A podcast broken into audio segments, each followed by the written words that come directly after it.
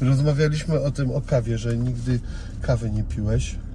I pytasz, czy kogoś takiego z, z, znam. Przez bardzo długi czas kimś takim byłem ja. Yy, bardzo późno zacząłem pić kawę. Yy, a w sumie Co, nawet lepiej późno niż wcale? nie, wiesz co, nawet nie wiem, e, ponieważ e, byłem e, pouzależniony od różnych zastrzyków dopaminy i wszystkie je powoli prawie wykluczyłem, to to jest taki mój ostatni doraźny zastrzyk dopaminy. E, e, taki, wiesz, że, że a, tą kawę wpiję. Nie wiem, czy, na, czy ja lubię nawet, czy jej nie lubię.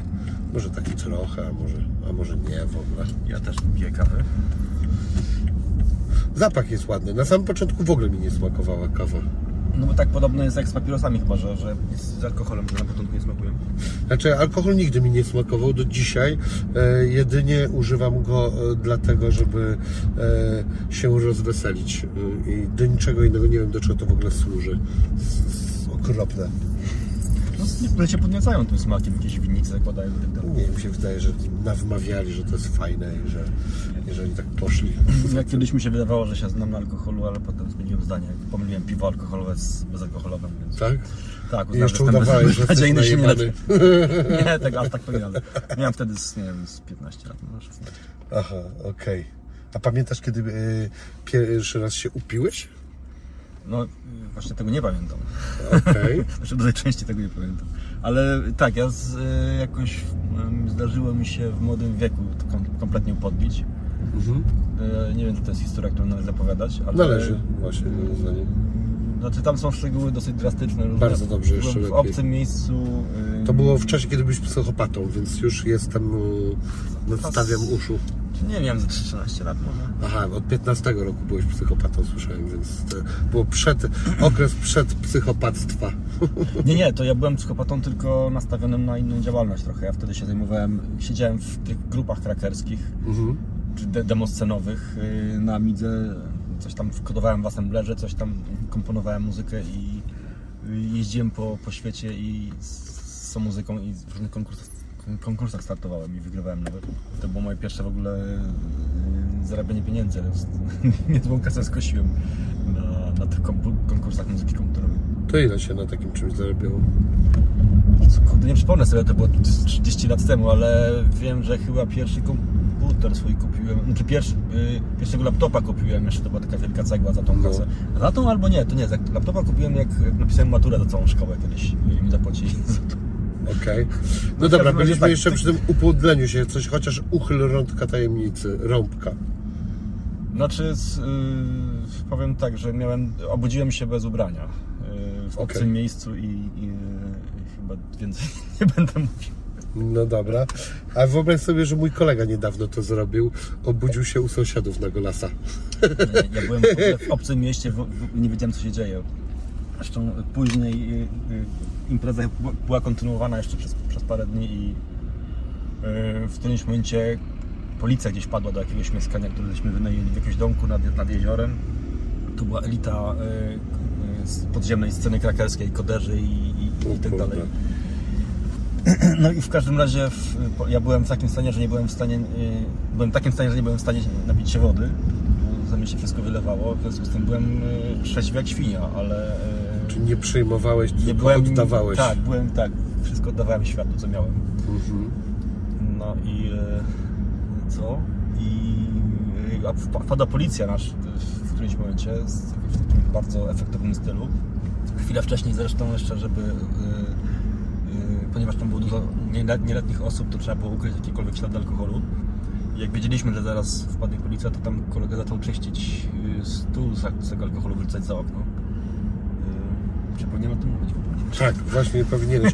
I dobrze, że się nie skapnęli, że macie bombę atomową z zapalnikiem, e, którego e, e, rozruch jest nieprzewidywalny. W każdym razie uznałem, że szybsza metoda będzie taka krzyżacka, trzeba złapać obrus za cztery rogi i wywalić za okno i tak to się skończyło. Wpadła policja, spojrzeli na mnie, powiedzieli, że jestem kompletnie pijany, żeby dmuchać w alkomat i okazało się, że jest zero. Bo jak już powiedziałem, nie byłem w stanie nic przez, przez kolejne dwa dni jeszcze.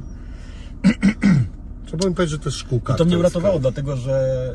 Yy, proszę? Trzeba było powiedzieć, że to jest szkółka aktorska i że wy wszyscy udajecie pijanych. Znaczy w tym wieku, no wiesz, alk alkomat nie kłamie, ale y, wylądowałbym pewnie nie tyle ja gdzieś tam w jakimś podejrzanym miejscu, bo to mi nie przeszkadzało, tylko że mnie rodzice musieliby zgarniać No przez tak. pół Polski, gdzieś przez pół Polski po mnie przyjeżdżać, bo w wieku 13 lat to nie puścili mnie chyba wolno.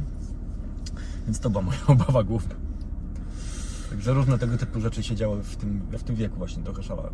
Raz kiedyś... y, Nie, nie będę o tym mówił. No powiedz, no powiedz. Nie, nie, nie mogę.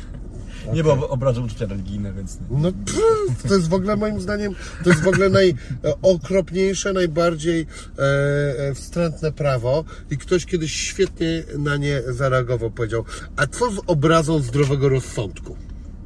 Co w tym? Czemu wy macie prawo obrażać zdrowy rozsądek? Obraza zdrowego rozsądku nikogo nie obraża w tym kraju. Także w ogóle No, mało gdzie. no właśnie, no to problem wielki, bo chyba lepiej mieć zdrowy rozsądek niż chory rozsądek. Zresztą wydaje mi się, że tu akurat mówię do poplecznika. Ja wiesz, trzymam zob- osobioma stopami, także Okej. czasem rozumiem. zdrowy rozsądek jest twoim wrogiem. Okej, czyli dobrze, no trzymasz różne fronty inteligentnie bardzo. Grasz na różnych liniach, zawierasz różne pakty. E, proszę Państwa, mamy dzisiaj specjalnego gościa. Andrzej Dragan, cześć. E, jejku, kto to jest? To jest, to jest muzyk, to jest fan mrówek, to jest e, człowiek, który młodość spędził jeżdżąc autostopem i nie bojąc się wyzwań, poznając ludzi, wsiadając do Rolls Royce'ów i do bandytów i w ogóle i e, jeszcze, a przy okazji jest fizykiem w ogóle kwantowym, no bo przecież jakim by mógł być, przecież nie klasycznym. Jesteś jakimś, nie wiem, człowiekiem idealnym? Nie, nie niekoniecznie. Nie? To, to, co powiedzieliśmy przed chwilą, chyba wskazuje na to, że raczej. No właśnie nie, to jest, Trudno było ale ja to uważam, że to jest kolejna świetna rzecz. W odpowiednim, młodym wieku się wyszalałeś. Tak jak powinno to wyglądać. Teraz już zajmujesz się poważnymi sprawami dla poważnych ludzi. Do odpowiedniego wieku dopasowujesz taktykę, dopasowujesz taktykę do sytuacji. Tak robią właśnie mądrzy ludzie. Wiesz co, nie wiem, czy ja się bardzo dopasowuję do, do sytuacji we właściwy sposób. Raczej staram się trochę na przekór działać, więc to się różnie kończy z tą odpowiedniością. Natomiast e, przypomniałeś mi jeszcze tą historię właśnie z... Jedziemy twoim bardzo eleganckim samochodem. Mi się Dziękuję. zdarzało e, też rzeczywiście Royce'ami jeździć stopem. Słyszałem. Ale też mi się zdarzało jeździć ze złodziejami samochodów, kradzionymi samochodami. W taką ka- kawalkadę kiedyś wsiadłem. No Gość, gość się zatrzymał, dlatego że ja się w ogóle dziwiłem później, co ten gość w ogóle wyrabia, ale sytuacja była taka, że wsiadłem w stopa. Gość mnie zapytał, co robię. Powiedziałem, że jestem studentem. Powiedział, że nie, nienawidzi studentów. No to, to, dobry początek rozmowy. Zaczęliśmy sobie gaworzyć i on mówi, a ja w takim razie ci powiem, co ja robię. Ja kradnę samochody. Jedziemy kradzionym samochodem. Patrzyłem na gościa, nie wiedziałem, czy, czy cyberbijaja, czy nie. Ale okazało się, że chwilę później jakiś inny samochód nas wyprzedza, jakieś mu sygnały dziwne wysyła. Mówię, No to jest mój kolega, też jedzie- z nami, też kradzionym samochodem. Tak w cztery samochody jedziemy. Uczestniczysz w kontrabandzie. Studenciku. Tak, tak. tak. Gdzieś kradną te samochody na zamówienia z Poznania, dowożą je do granicy wschodniej i takie dwa kursy w tygodniu robią. Wszystko mi opowiedział. Skąd jest, jakie ma marzenia w ogóle, Ale- jak go znaleźć. Pytam się go, go, gościa w ogóle, bywają otwarci. Tak, no to nie, nie wiem, czy nie jeździłeś stopem, ale w stopie to jest podstawowa zasada, że to człowiek mówi o wszystkim, o całym swoim życiu. Yy, i... Ja to robię bez stopu.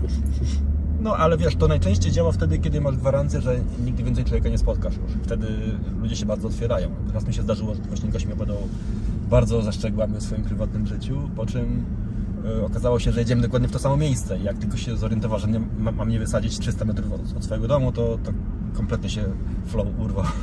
Generalnie się wystraszył chyba. Ale, ale ci naopowiadałem bajeczek, młody człowieku, co? No ale, ale, ale, ale Taki sytuacja- ze mnie Ale żartownik. z tymi złodziejami było tak, że, że ja się gościa pytam, dlaczego mi to wszystko mówi przecież on, ja, ja, ja wiesz, no, nie boisz się tego wszystkiego? I gość tak na mnie spojrzał, po- spojrzał mi w oczy głęboko. A co ty może zrobić? Przecież ty pionek jesteś. No, zacząłem, wiesz, analizować, no tak, no co ja mogę zrobić? Bo jestem Andrzej Dragan z przyszłości. Przeniosłem się, żeby zrobić ci takiego prank. It's a prank, bro! Ale zapytałem się, po co w ogóle mnie zabrał na tego stopa też. I gość mi pokazał taką dziurę po radiu. No. I mówi, no widzisz, ten właściciel wyjął sobie radio, żeby mu nie ukradli. Teraz sobie będzie radiem jeździł. Okej, jaki Więc ja robię, robiłem za radio w tym samochodzie. A ile on miał e, lat? 20 parę pewnie, w moim wieku. Ja, ja byłem wtedy jeszcze nastolatkiem, rozumiem. także z- trochę starszy był. Czy to nie był tak wczoraj, późny, późny nast- nastoletni, tak, bo byłem studentem wtedy, tak. E, Ja e, wziąłem zaledwie chyba dwa razy w życiu ludzi na stopa e, i raz byłem zawiedziony, bo byli to ludzie para jakaś. Ja też byłem z dziewczyną, jechaliśmy i tak sobie mówimy, a weźmy ich sobie, może sobie coś wymienimy, jakieś poglądy. Okazali się potwornie nudni, a nasz samochód spalił e, zauważalnie więcej paliwa nie wnieśli nic do tej przejażdżki i mówię, o nie, takich rzeczy to już nie. A raz właśnie zrobiliśmy dokładnie to, co ty. Wzięliśmy sobie radio, mimo że mieliśmy radio, ale z kumplem wracaliśmy z Białorusi i e, i w którymś momencie właśnie taki chłopak jakiś stał i my mówimy, słuchaj, weźmiemy Ciebie, ale obiecujesz jedną rzecz, że cały czas do nas nawijasz i się starasz, a jak nie, to po prostu w ogóle nie wsiadaj, no nie? No i on mówi, dobrze, to ja tak będę robił. No i trzeba mu się przyznać, że się bardzo starał. Był dosyć nudny, no też był taki troszkę przestraszony w ogóle, ale, e, ale starał się. Ja już jak ktoś się stara, to jest, to jest dla mnie w miarę dużo. E, Zastanawiałem się jeszcze nad tym, co ty mówiłeś, a ty masz dalej kontakt z tymi e, hakerami całymi? Sporadycznie, bo teraz to są już takie postarzałe dziady. Ja też się taki robię po- powoli, ale mimo wszystko byłem od nich tam 5 lat młodszy. Natomiast e, e, zdarzają się jakieś takie sytuacje, że się spotykamy jeszcze. Raz mi się kiedyś, mieszkałem za granicą i wpadłem na chwilę do Polski, zrobiłem taką imprezę u siebie na 17 piętrze w, Aha. mieszkaniu, ściągnąłem do kawalerki, nie wiem, z 30-40 osób się nabiliśmy tam. No. Akurat było tak, że byłem w przerwie świątecznej w Polsce i, i się udało wszystkie ściągnąć, to jest dosyć trudne, tych przynajmniej z, z, Polski. I włamaliście się dla jaj do, na Kreml, czy nie wiem, czy do Pentagonu, czy gdzieś tam. Nie, no to e, z takich, takich numerów to, to wtedy znaczy, y, rzeczywiście tam jakieś bardzo nielegalne rzeczy się działy w, w tym środowisku. Ja trochę byłem y, z, jeszcze nie do końca świadomy, co się dzieje w ogóle i przynajmniej inaczej nie byłem świadomy konsekwencji tego, co, co się może wydarzyć, jak, jak te rzeczy by wyszły na jaw, co, co tam się wyrabiało. Więc y, to trochę zwalam na to, że miałem wtedy 13 lat i byłem głupi. Bardzo słusznie. Teraz jestem 30 lat starszy i też jestem głupi, tylko w inny sposób. Cholera, no to, to kto jest mądry w takim razie? Nie ma za dużo mądrych ludzi. Nie? A to wiesz co, dobra, to ja się miałem takie coś zapytać. Jak ty siebie e, plasujesz wśród e, mądrych ludzi? Mm, Jest jakiś, nie wiem, e, lista, jak najlepsi tenisiści, rakieta numer 3 na świecie, czy jakaś tam to, to jest jakaś klasyfikacja fizyków kwantowych? Czy wszyscy, Wiesz, no są takie formalne klasyfikacje są różne, to się tam liczy ludziom publikacje czy cytowania i takie rzeczy, ale to ja tam jakoś się specjalnie nie wyróżniam na ten tle. Tam też yy, A w takiej pierwszej setce myślisz, że jesteś? nie, na pewno nie. Tak? Nie, no coś, nie, nie, myśl, na pewno nie. Natomiast y, ja też nie, nie ciągnę w ogóle w stronę popularnych tematów. Ja się zajmuję bardzo nisza, niszowymi rzeczami, na których mało kto się zna i, jak tylko się w czymś wyspecjalizuję, to się szukam sobie nowej dziedziny, żeby się zająć czymś innym, bo mi się szybko nudzą rzeczy. Więc Okej. ja trochę sobie skaczę z kwat- z kwiatka na kwiatek i robię no, takie dosyć niekonwencjonalne sprawy i w związku z tym y, nie, nie lecę trochę owczym pędem, który tak, tak, takie ten, ten, tendencje też są i w, nawet w fizyce, tak jak pewnie w muzyce też indziej, gdziekolwiek indziej. No tak, no, we wszystkim w sztuce szeroko pojętej. E, No dobrze, no ale to jeżeli ty y, y, właśnie poruszasz się po takich wąskich specjalizacjach, to właśnie można by było określić, że w czymś jesteś akurat super, bo też nie masz e, dużej konkurencji. Jestem, znaczy znam się dobrze na pewnych rzeczach, które są na tyle niszowe, że, że grupa ludzi, który, z którymi współpracuję, na przykład, czy, y, którzy, którzy się zajmują tymi samymi rzeczami, to jest na tyle niewielka, że na przykład spotykam się na konferencjach y, co pół roku w różnych dziwnych miejscach i to jest zabawne, że się raz widzimy nie w Australii, raz w, RPA, raz w, tam w Kanadzie i za każdym razem to jest ta sama grupa ludzi, tylko tło na fotografiach konferencyjnych się zmienia tak, tak naprawdę, więc y, to jest branża dla na kilkaset osób maksymalnie. A zdarzyło Ci się jakaś kiedyś taka historia, że mm, była taka historia o tych e, grupie matematyków e, z Lwowa, dobrze mówię, Polaków? No, Taka sławna grupa, co tam, przepraszam, na serwetkach e, czy na stole pisali, a potem księgę dostali w. Wszyscy naukowcy piszą na serwetkach, to, to oni, tylko to, ta, ta historia się jest oczywiście znana, dostali tą, książkę, mogli Tak. nie pisać, ale serwetki są dużo lepsze do pisania. No, są pod ręką po prostu, rozumiem, że o to chodzi, że jak coś pada do głowy, to się wali na czymkolwiek, co jest. E, no właśnie, a czy zdarzyło Ci się coś takiego, bo e, tam była taka historia, że e, taka jedna z większych person, teraz zapomniałem, e, e, Że, że się ogień założył? E, Nie, że w ogóle trafił do tego grona i trafił na uniwersytet. W Banach. Banach, Banach. No właśnie. W ten sposób, że stał gdzieś w parku i rozmawiał o jakichś całkach bardzo zaawansowanych i przechodził e, obok e, profesor e, ze szkoły i nagle usłyszał i zaraz, co jest do cholery, to jest w ogóle jakiś temat, o którym gada, nie wiem, 5 czy 10 osób na świecie w ogóle, a tu mi w parku chłopy gadają e, jak przy piwku prawie, że. E, I czy Tobie się zdarzyło coś takiego, że na przykład gdzieś na jakimś forum o czymś pisałeś, albo nie wiem, Twój student, albo gdziekolwiek, albo może w parku przechodziłeś i ktoś Cię nagle zagiął, że rzucił taki jakiś temat, Ty powiedziałeś, co jest cholera jasna, skąd w ogóle, nie znam tej osoby, no bo to wiadomo, że jak spotykasz tych ludzi naukowców, to Wy macie te swoje tematy, ale tak nagle ktoś jakby z nieba spadł. Znaczy zdarzyło mi się, że jechałem pociągiem na przykład i obudziła mnie dyskusja dwóch czy trzech fizyków, którzy okazało się jechali za mną w przedziale i mówili o jakimś eksperymencie, o którym przed chwilą myślałem. To było gdzieś w, w pociągu z Mediolanu do Florencji chyba, nie pamiętam. Aha. I gadali kompletne głupoty i ja słuchałem tylko i, przysłuchiwałem. Ale no, e, nie, to nie takich spektakularnych chyba rzeczy to się, to się mi nie zdarzyło chyba doświadczyć. E, No bo to mimo wszystko, to jest trochę, trochę e, z, tym, z, z Manachem.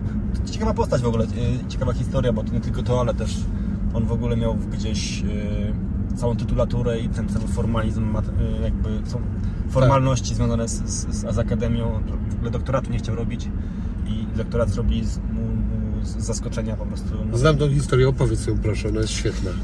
no, Banach nie chciał robić doktoratu, bo uważał, że bez sensu, że nie, nie będzie na to marnował czasu i słusznie. E, Po czym koledzy zrobili taki numer, że zaprosili komisję doktorską z Warszawy, której wcześniej wysłali jego pracę, na podstawie których e, twierdzili, że wystarczy, jest to wystarczający materiał, żeby się bronić. Komisja się oczywiście zgodziła, bo to było jakieś wybitne matematyczne osiągnięcia. Przyjechali do Warszawy, do, do, do Lwowa wówczas, tak? E, Nie wiem, czy nie pomyliłem Warszawy z Krakowem, ale Mi się wydaje, że Warszawa to była. Historia była z grubsza taka, że powiedzieli Banachowi, że przyszło paru, paru, paru y, y, matematyków z innego miasta, żeby zadać mu kilka pytań, bo chcieli, żeby im wiedzą. wytłumaczył. No to się zgodził, przyszła komisja, zadali mu parę pytań, on im wytłumaczył, o co pytali. I po czym spotkanie się skończyło informacją, że, że właśnie to była obrona doktorska i masz pan doktorat. It's a prank, bro. On się obraził Coś na dwa, na dwa tygodnie. Tego, tego nie wiem. Nie chciałem frajerskiego doktora, to mówiłem wam. Mieliśmy taki, taki podobny przypadek matematykę na Wydziale Fizyki też. Gość, który miał tytuł magistra, prowadził wykłady. Yy, yy, do jego wykładów prowadzili ćwiczenia doktorzy albo profesorowie i, i, i, mówili otwarcie, że to prawda taka jest różnica, dys, dysproporcja tytularna, ale to niczym nie świadczy. I też mieli rację oczywiście. Gość był rzeczywiście niezwykłą, cie- ciekawą osobą i też nie zrobił doktoratu. No, no, y, mamy takie jakieś potrzeby tego szufladkowania albo nazywania pewnych rzeczy, e, a, a czasami nie patrzymy Właśnie na... nie mamy takich potrzeb. Na, na Wydziale Fizyki nie ma na tabliczkach przed, przed pokojami, mam sw- swój pokój, nie mam tytułu naukowego przed nazwiskiem i nikt nie ma w Instytucie Fizyki Teoretycznej, bo to jest niepotrzebne tak naprawdę i to jest, y, bardzo mi się ta zasada podoba. To jest taka niepisana zasada y, i mm, też mm, fizycy sobie mogą na to pozwolić do pewnego stopnia, dlatego że mm, Tak wiadomo, co to potrafi.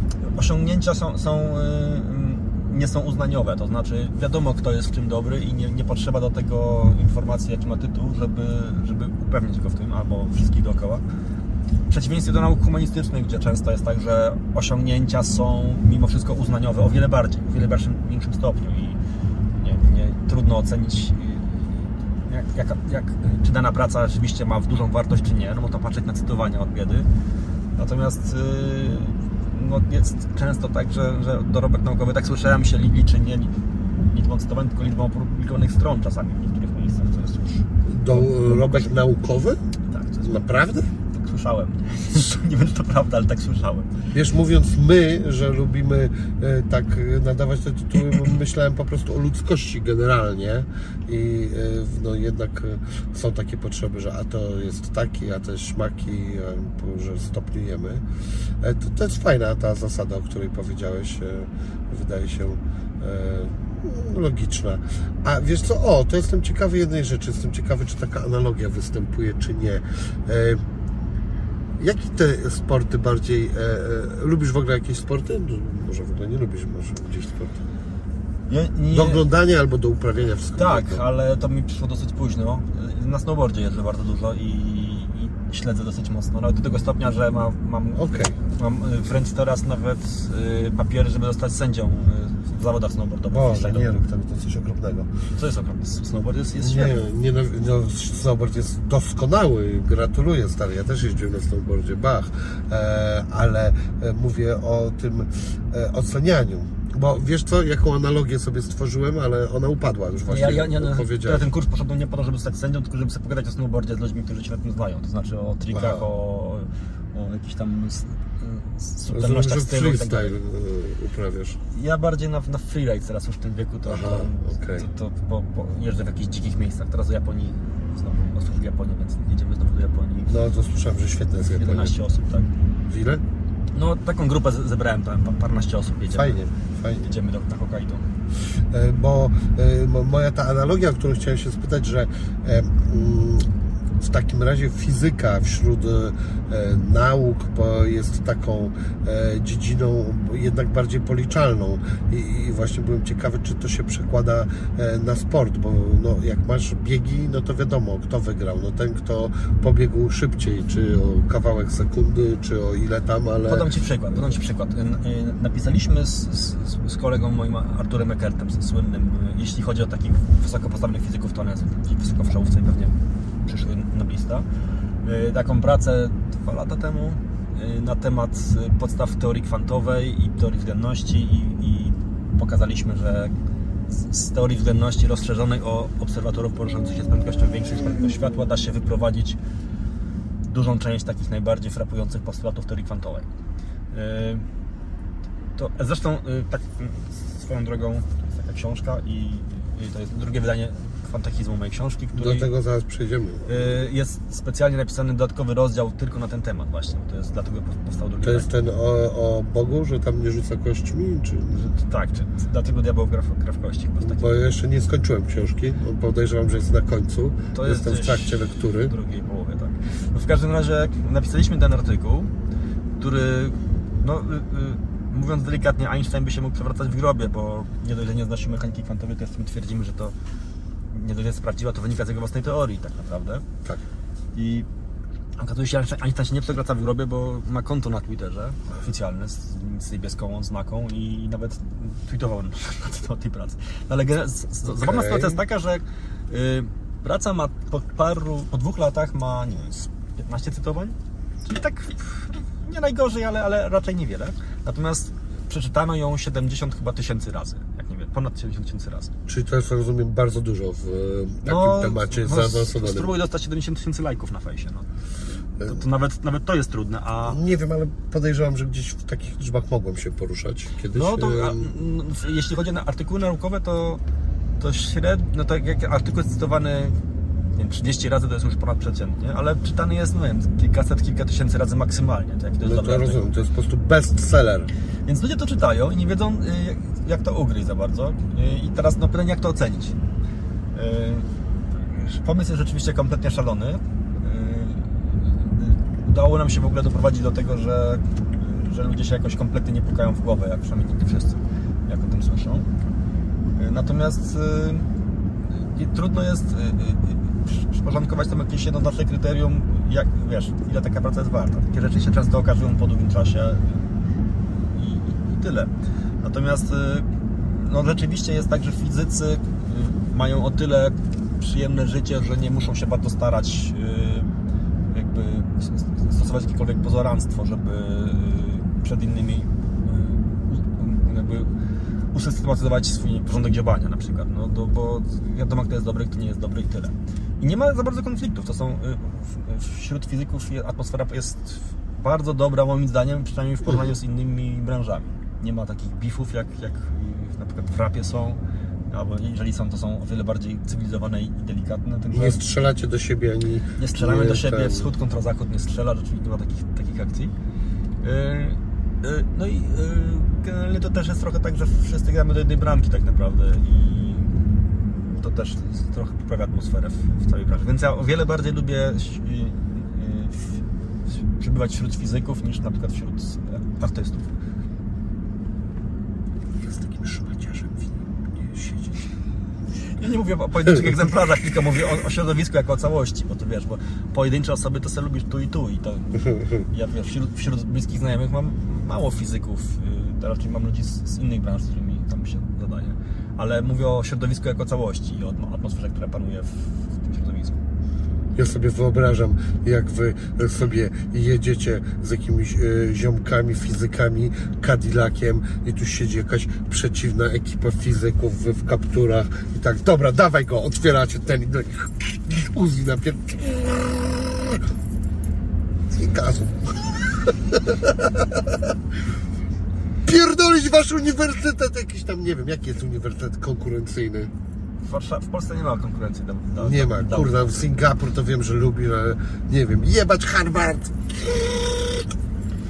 Między Oxford i Cambridge jest jakaś rywalizacja. Jak byłem w fuck Oxfordzie, Cambridge, motherfucker, only Oxford nigga is for life. Widzisz, y, to, to, to jak wygląda kon- konkurencja między, między Wydziałem Fizyki Cambridge i, i Oxford? Jak byłem w Oxfordzie, to tam strasznie nudne miejsce w ogóle. Główna atrakcja to jest taka, żeby pływać taką łódką po, po kanałach. Są specjalne łódki, takie długie czółna i stoisz z, takim wielkim kijem z brodem i się odpychasz. I tak sobie pływasz. To jest atrakcja na niedzielę. To trochę jest krzyżówka, to miasto, miasto jest krzyżówką takiego domu wariatów i domu starców. To, to, to trochę tak wygląda. Tak? Tak miałem wrażenie. No, też yy, yy, ja tam spędzałem yy, miesiące letnie, kiedy nie było, nie było studentów za dużo, więc to też tak wyglądało trochę inaczej. Natomiast pamiętam taką yy, informację, która była umieszczona w wypożyczalni tych, tych łódek, że każdy człowiek, taka kartka wisiała, każdy yy, yy, rezydent Oxfordu dobrze wie, że stojąc na łódce i używając tego brodu, którym się odpychasz, należy stać na oksfordzkim końcu łódki. A, a jaki jest oksfordzki? No właśnie okazuje się, że są dwie, dwie strategie. Jedno to jest stać z przodu i odpy- odpychać się czółnem, tym, czy tym, tym, tym brodem y, Kijem. z, z przodu, a druga to jest stać z tyłu i się odpychać, odpychać z tyłu. Ja bym zakładał, że lepiej z tyłu. I najgorszą rzeczą, jaką możesz zrobić, najgorszą rzeczą, jaką możesz zrobić, to stać nie na tym końcu, co trzeba, bo wtedy jesteś, to, tak robią ludzie z, Cambridge. Mhm. Więc widzisz, takie są bify. Nie strzela się z karabinów, tylko się, y, tam, tam jest bardzo wyrafinowany sposób pokazywania komuś, że jesteś lepszy. Nie rozumiem. Na przykład y, y, w- y, to, to śmieszne, bo ta struktura hierarchiczna tam jest taka, że jest, są stołówki osobno dla, dla, dla każdej grupy społecznej. To znaczy jest osobna grupa dla faculty members, czyli dla, dla ludzi, którzy są z profesorami i tam członkami y, y, tej kapituły naukowej, że tak powiem, ak- akademickiej. Osobna jest stołówka dla doktorantów, a dla y, zwykłych studentów to jest automat ze stickersami. Z grubsza rzecz biorąc. Jak w pierdlu jakimś z frajerem się przy jednym stole nie siedzi. No trochę tak to jest. Więc wiesz, to, to są, tam, tam są zabawne rzeczy, że, że jak jesteś profesorem, to doda- dają ci dodatkową serwetkę yy, do obiadu, ale widzisz, yy, dbają subtelnie o, o, O wywyższanie się. Chociaż to też, to, to, to jest, y, i to jest widoczne, nie dla, to co, co ciekawe, to, się, to jest widoczne y, w tych wszystkich innych, y, że tak powiem, specjalnościach, nie, nie wśród fizyków, bo, oj, przepraszam. Dobrze, później się pytałem. Znalazłeś? Znalazłem. Wśród fizyków tego czegoś takiego nie ma. Ten, te, te takie oficjalne obiady, kolacje, gdzie właśnie ta dodatkowa serwetka dla profesorów to jest też trochę wymysł, czy s- spuścizna y, funkcjonująca wśród humanistów, którzy potrzebują tego typu sygnałów formalnych, to jest, to, jaki jest porządek działania i tak dalej. No, dlatego właśnie y, ja się. Ale to o, początku ten. E, czekaj, to ja u ciebie to słyszałem? O tych świniach? Mogłeś o, ja o świniach często mówię, także mogłeś... O, świniach, co dziobały? Tam mała świnka była i duża świnka? Tak, to w, No. w, klatce Skinnera są Tak. takie eksperymenty. Co się to podobało. Ale te świnki tam jeszcze oprócz tego porządku dziobania to sobie jakoś tam wypracowały chyba jakiś w miarę, a jako taki status quo, czy z tego To wynikało. mówisz o, mówisz o, o eksperymencie z, ze świniami, o którym też piszę zresztą w książce, w którym do klatki Skinnera tak zwanej, czy takiej klatki, w której jest przycisk, y, który jak się wciśnie ryjem, to dostajesz żarcie, y, które ci wpada i w związku z tym jak też jesteś głodny, sobie wciskasz ryjem guziki i spada. Y, Wpuszczono nie jedną świnię, tylko dwie. Tak. Jedną dru- dużą, drugą małą. I, I okazało się, że tak mała wciskała ryjem przycisk, a na drugiej końcu było jedzenie. To ta gruba, duża świnia żarła to jedzenie i nie dopuszczała w ogóle małej. W związku z tym mała sobie wciskała guzik, a była dalej głodna, więc bardzo szybko się zorientowała, że to bez sensu. I wzięła dużą świnię na przeczekanie. Wzięła dokładnie tak. Usadowiła się w okolicy tego dystrybutora z jedzeniem. I to ta duża świnia musiała latać, yy, wciskać guzik i jak wcisnęła, to jeszcze zdążyła przybiec jakieś resztki wyżreć z tego, co mała nie zjadła. Więc yy, taka ciekawa dynamika się ustawiła, że, że yy, Duża świnia pracowała na małą, ale, ale krótko. Więc takie, takie bardzo nierównowagowe ro- rozwiązanie społeczne tam zostało wdrożone. No, to dosyć zabawnie wyglądało oczywiście. Natomiast yy, Ale się nie pozabijały te świnie jakoś. jakoś się nie pozabijały, ale to jest jedyna s- strategia w miarę równowagowa, która się mogła wytworzyć, bo, bo małej świni się kompletnie nie opłacało ciskać guzika, bo jak to biegła do, do, do, do końca, to gruba ją odpychała i nie, nie dopuszczała niczego. Ale patrz, kurczę, jednak, czyli na ich poziomie jednak y, jakiś na przykład duży chłop z małym mógłby gdzieś wykalkulować, że, że żeby małemu też coś dać zjeść. A już u świn tego nie było. No właśnie dlatego y, na przykład y, jak myśliwi w Afryce używają y, ptaków, tak zwanych miodowodów do odnajdywania pomiędzy drzewami gniazd pszczół. Bo są takie ptaki w Afryce, które specjalizują się w tym, że Rozumiem. odnajdują, śledząc pszczoły, odnajdują Latające świnie do trufli. odnajdują, odna, dokładnie, odnajdują y, gniazdo pszczół, i, w którym jest oczywiście miód, ale same się nie mogą tego miodu dobrać i wówczas przy, przywodzą do tego gniazda y, jakichś lokalnych pasterzy, ludzi. Zwracają ich najpierw jakąś ich uwagę z jakimś dziwnym zachowaniem i potem lecą w stronę tego gniazda i wracają, lecą i wracają, aż człowiek zacznie za nimi iść. No i ten człowiek przychodzi do tego nieszczęsnego gniazda, w końcu jakimś sposobem jest w stanie y, wyciągnąć miód ze środka. I oczywiście to działa tylko dlatego, że po skończonej y, wieczerzy albo w trakcie tej wieczerzy dzieli się częścią tego miodu z ptakiem. I na tej ptakowi by się nie opłacało y, w ogóle zawracać sobie głowy. Czyli oni, one ptaki e, wzywają nagie małpy w spodenkach, żeby im użyczyły trochę miodu. Tak, taką historię kiedyś czytałem właśnie o chyba u Witusa Dreschnera bodajże. Patrz. o miodowodach i Miodowodach. ym, że, że w jakiś sposób wytworzyła się taka ciekawa współpraca między ludźmi a ptakami kontra pszczoły. Więc widzisz, tego typu dziwne sytuacje nie tylko się tworzą, ale są podtrzymywane tylko dlatego, że człowiek się trochę dzieli z, z tymi ptakami, czego ta duża świnia nie robiła i w No związku z tym skończyło się tym, że sama musiała tyrać. Małpa jednak czasami potrafi coś wymyślić, że współpraca też się opłaca. O, No, znaczy małpa jest, y, osiągnęła taki status, jaki osiągnęła, naga małpa, y, tylko dlatego, że współpracuje, bo przecież No tak. y, to jest główna rzecz, do której się przydaje mózg, a pod jakimkolwiek innym względem to nie mamy szansy konkurować z jakimkolwiek gatunkiem. No bo z siłą, z szybkością, Max skorupa skurwys. No w pływaniu też byśmy przegrali z żółwiem. No to dobrze, że chociaż coś tam współpracujemy.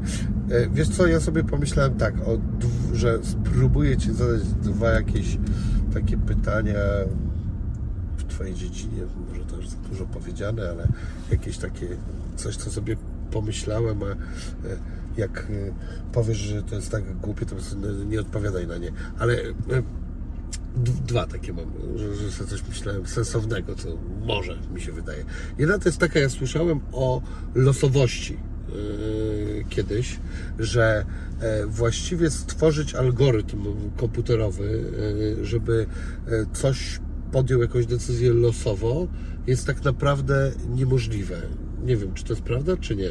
No są tak zwane generatory liczb pseudolosowych, czyli Właśnie nie, nie tak są to słyszałem. naprawdę losowe liczby, ale to są takie prawie losowe liczby i trudno odróżnić jedne od drugich, ale y, takiego, takiej prawdziwej losowości klasycznym komputerem się nie, nie da wygenerować oczywiście. No właśnie, a teraz sobie zadałem pytanie, czy w takim razie w kwantowym komputerze dałoby się coś takiego zrobić? No bo właśnie ta e, e, fizyka kwantowa, z tego co ja rozumiem, a prawie nic nie rozumiem, to właśnie tam występuje jakaś cholerna losowość. I czy nagle nie dałoby się jakoś tego z tej kwantowej fizyki zaprząc do e, faktycznej, prawdziwej losowości? No dało się oczywiście i, i, i do tego ona się bardzo dobrze nadaje. Dlatego że rzeczywiście w świecie kwantowym istnieje prawdziwa losowość, a nie losowość taka pseudo-losowa. Ja jak często mam wykłady z studentami, to przynoszę im słoik z, z takimi kośćmi do gry. Aha. Mówię, że wśród nich jest y, jedna kość, która naprawdę generuje losowe liczby. Pytanie, czy są w stanie zgadnąć, która to jest. No i odpowiedź jest taka, że to nie jest żadna z tych prawdziwych kości do rzucania, tylko tam jest taka kostka szklana, mniej więcej tych samych rozmiarów co, co kość do gry, która ma tak... Światełko w nią wlatuje. który jak, jak wleci w nią pojedynczy foton, to on może się albo odbić, albo przejść na drugą stronę. I ten proces, y, zgodnie z tym, co mówi teoria kwantowa, jest czysto losowy. To znaczy, tam nie ma pseudolosowości, tam nie ma jakichś ukrytych parametrów, które decydują o tym, co zrobi pojedynczy foton, tylko ten foton naprawdę zachowuje się w sposób prawdziwie nieprzewidywalny. Y, I y, no, oczywiście tego można wykorzystać, tego typu proces można wykorzystać do generowania prawdziwych liczb losowych. I, i zresztą to się przydaje bardzo praktycznie też w, na przykład w kryptografii kwantowej. Arthur Ecker, o którym wspomniałem, była jedna z pierwszych osób, która zauważyła, że tego typu procesy y, mogą pomagać, y, tego typu losowość kwantowa może pomóc w generowaniu kluczy kryptograficznych, y, które mają to do siebie, że są takim z grubsza rzecz biorąc ciągiem przypadkowych zer i jedynek, prawdziwie przypadkowych. Mhm. I mm, zabawne jest to, że jak taki losowy ciąg dodasz w sensie logicznym do jakiejś informacji, to szum plus informacja wygląda zupełnie jak szum, jest nieodróżnialny od szumu. W Proszę Cię, wytłumacz mi pojęcie szumu. szum to jest cią- losowy ciąg zer jedynek. Taki zupełnie, zupełnie losowy. Ze- 1, 0, 0, 1, 1, 0, 0, 1, zupełnie bez żadnej struktury. Y, To jest szum. Taki ciąg zer jedynek jest szum. A informacja to jest uporządkowany ciąg, ciąg zer jedynek. I możemy wtedy się komunikować i w naszej rozmowie teraz jest jakiś porządek w znakach, które wy- wydajemy z siebie, Czy w takim wydając dźwięki. razie liczby pierwsze są szumem? Nie, liczby pierwsze, jest pewna struktura wśród liczb pierwszych i to jest też ciekawe, że no, liczby pierwsze to jest w ogóle inny temat, więc trochę No ale mówi się, że właśnie nie można znaleźć tego e, prawidłowości, przynajmniej ja tak słyszałem, więc tak jest, sobie- jest bardzo dużo prawidłowości między liczbami pierwszymi. Na przykład odległości między kolejnymi liczb- liczbami pierwszymi są dosyć uporządkowane. Są te- Dosyć, użyłeś słowa, a dosyć już wprowadza... Dosyć- Dosyć w że sensie, że, że im, większa liczb, im, im większe liczby pierwsze, tym te prawidłowości się robią coraz precyzyjniejsze. To znaczy, Okej. dla niewielkich liczb są jakieś, jakieś, jakieś jest nieporządek, ale im większe liczby pierwsze, tym zachowują się w bardziej regularny sposób. Ale jest dużo takich y, ciekawych zagadnień związanych z liczbami pierwszymi. Ja akurat się na tym nie znam zupełnie, bo nie jestem matematykiem, coś na ten temat czytałem, ale... No, trochę chyba musisz być. No ale nie, nie, nie w tej branży akurat. Miałem Okej. jednego studenta, który się interesował liczbami pierwszymi. Yy, To, Zwariował? Do, doktoranta od matematyki. Nie, nie zwariował, bardzo rozsądny człowiek. No nie, bo ja słyszałem, że niby niektórzy wariują przy tych liczbach pierwszych i stąd moje pytanie. No, e, wari... Wiesz, nie dałeś mi dokończyć pierwszego tematu i wchodzimy na kolejny interesujący. Nie wiem teraz o, o, o czym mówić. Wracajmy do poprzedniego. No, e, z liczbami pierwszymi y, rzeczywiście jest tak, że, że jest. To jakoś mocno koreluje zainteresowanie liczbami pierwszymi z, z posiadaniem zespołu Aspergera.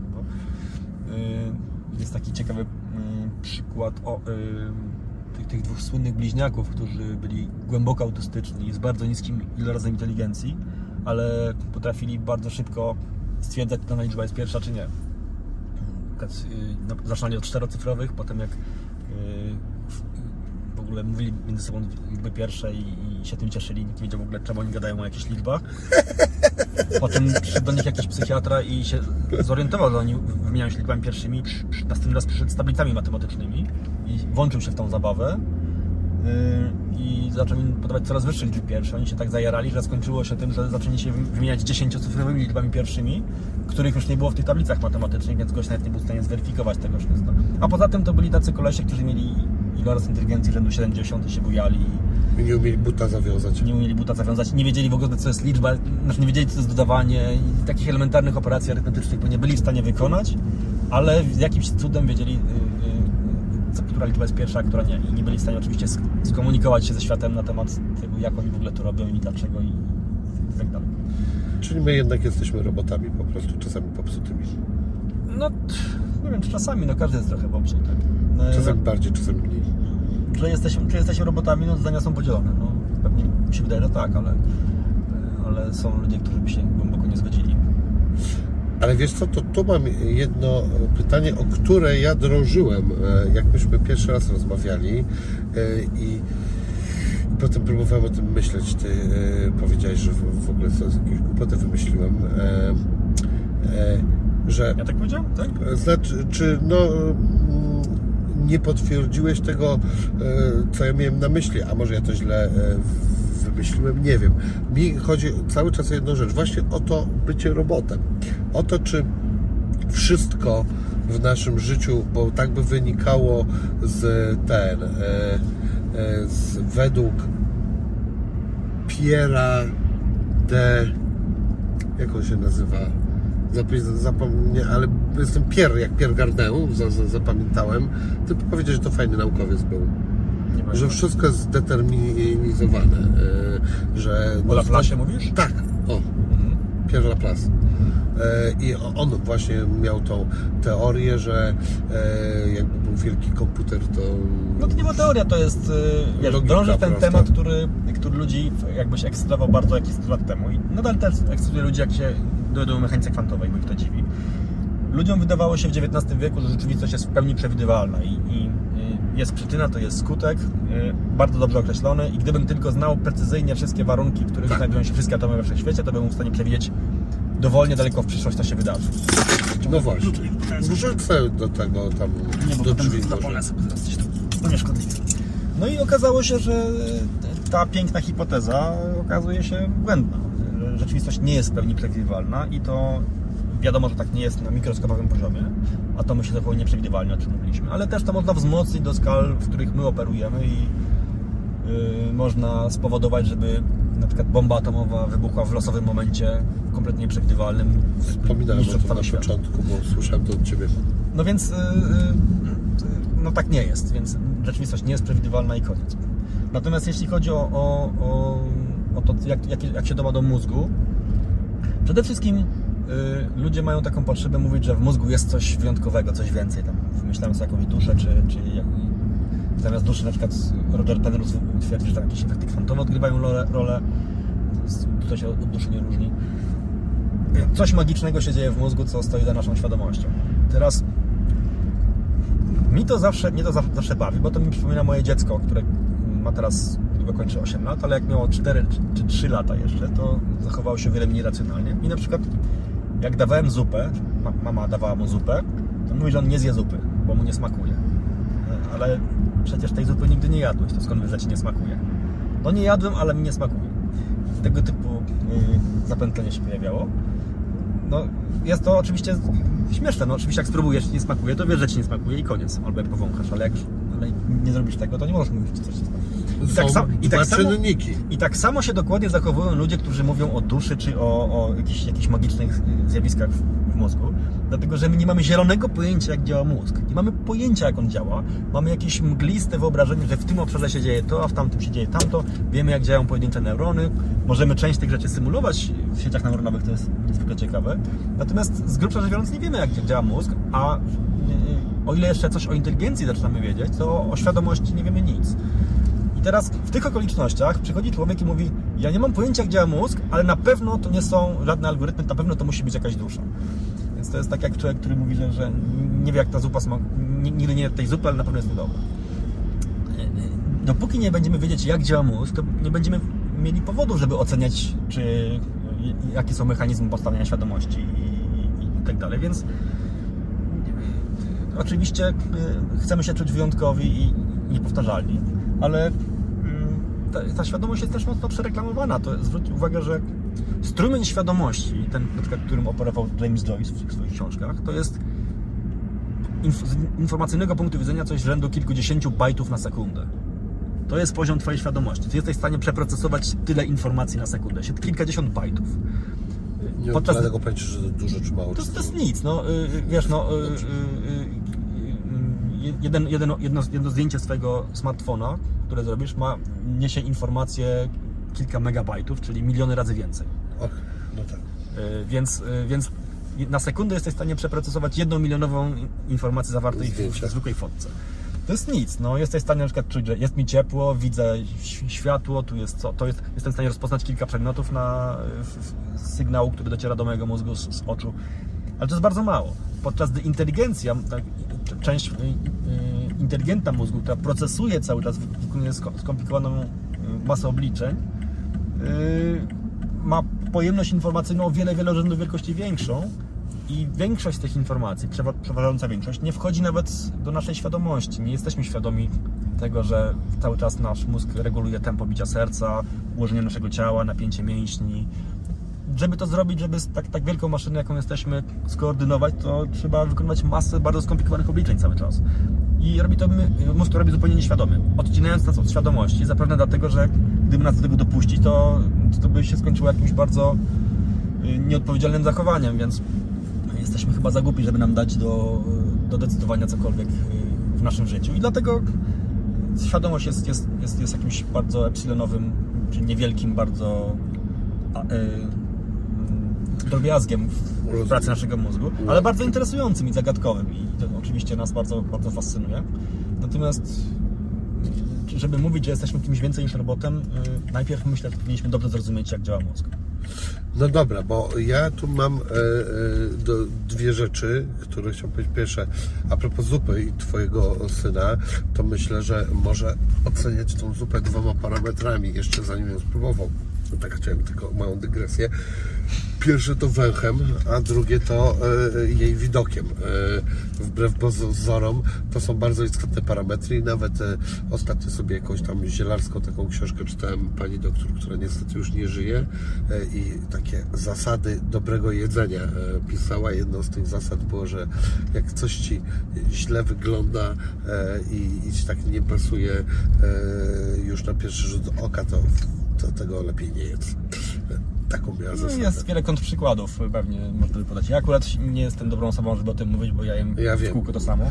No jeszcze czytasz na odwrót i w ogóle. E, ale, a druga rzecz to e, o tej naszej świadomości i o tym, na tym, czy my jesteśmy robotami, czy nie, to właśnie ta e, przypadkowość jakoś budzi we mnie takie poczucie, że skoro jest ta przypadkowość w kwantowości, to może właśnie ta przypadkowość świadczy o tym, że no, skoro nie ma tego pełnego e, determinizmu, tak? Dobrze mówię, że wszystko nie jest Tak to się zdeterminizowane. nazywa, tak.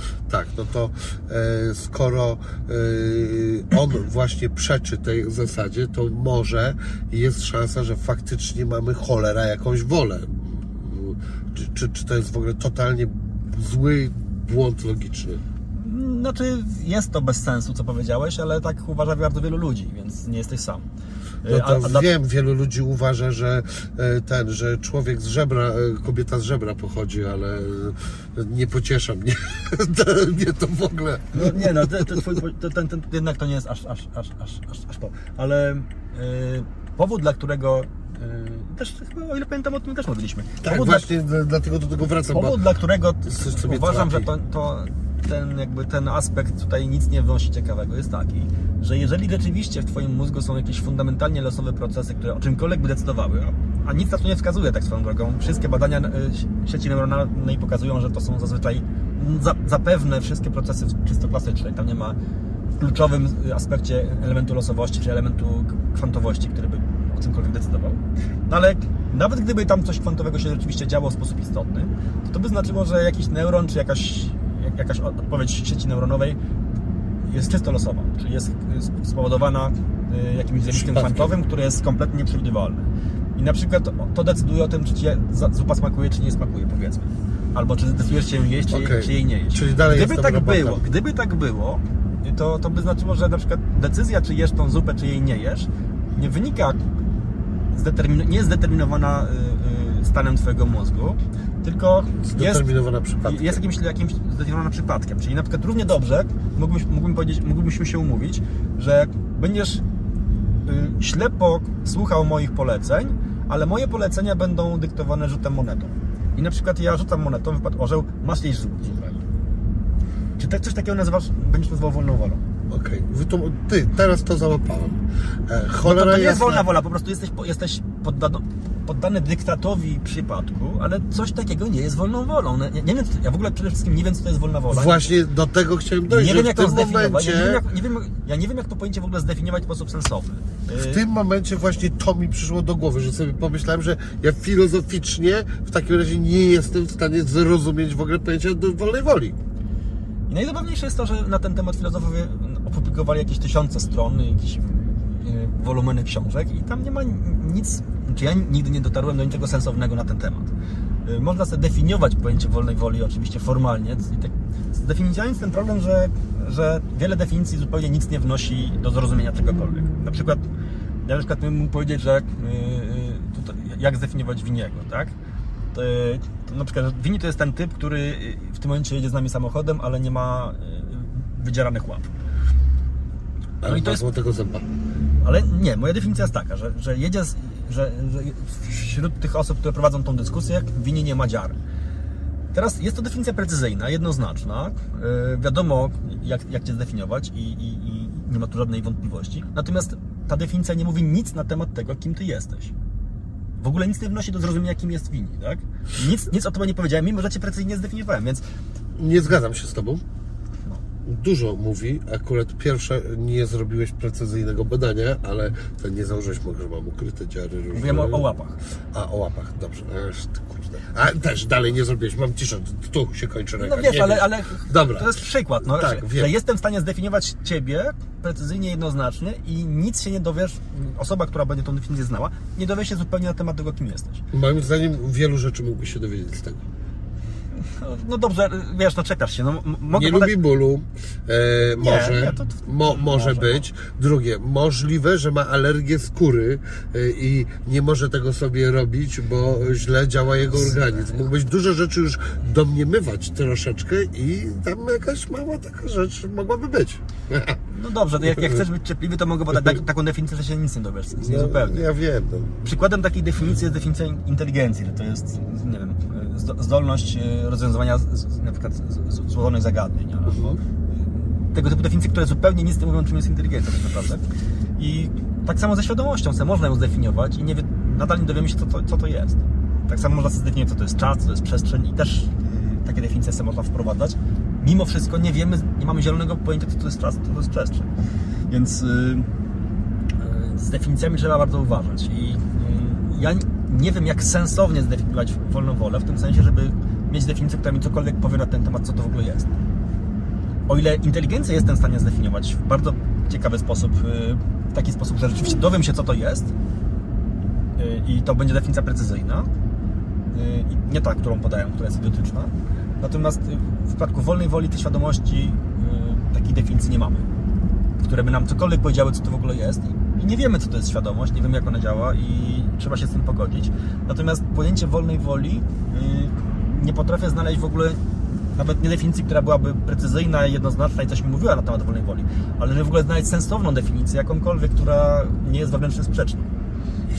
No dobrze, takie najprostsze, tutaj ja nie będę żadnym mistrzem świata, to wiadomo, ale takie najprostsze e, e, stwierdzenie byłoby takie, że e, jest to możliwość, już potem jest możliwość, umiejętność. Każde jedno słowo trzeba było e, analizować i podawać jego definicję i w tym zaczyna się problem, ale Ale to nie ma, nie, ma, nie, ma, nie ma takiej potrzeby, żeby to robić, mo- moim zdaniem. To, yy, no, może, umiejętność podejmowania decyzji samoistnie.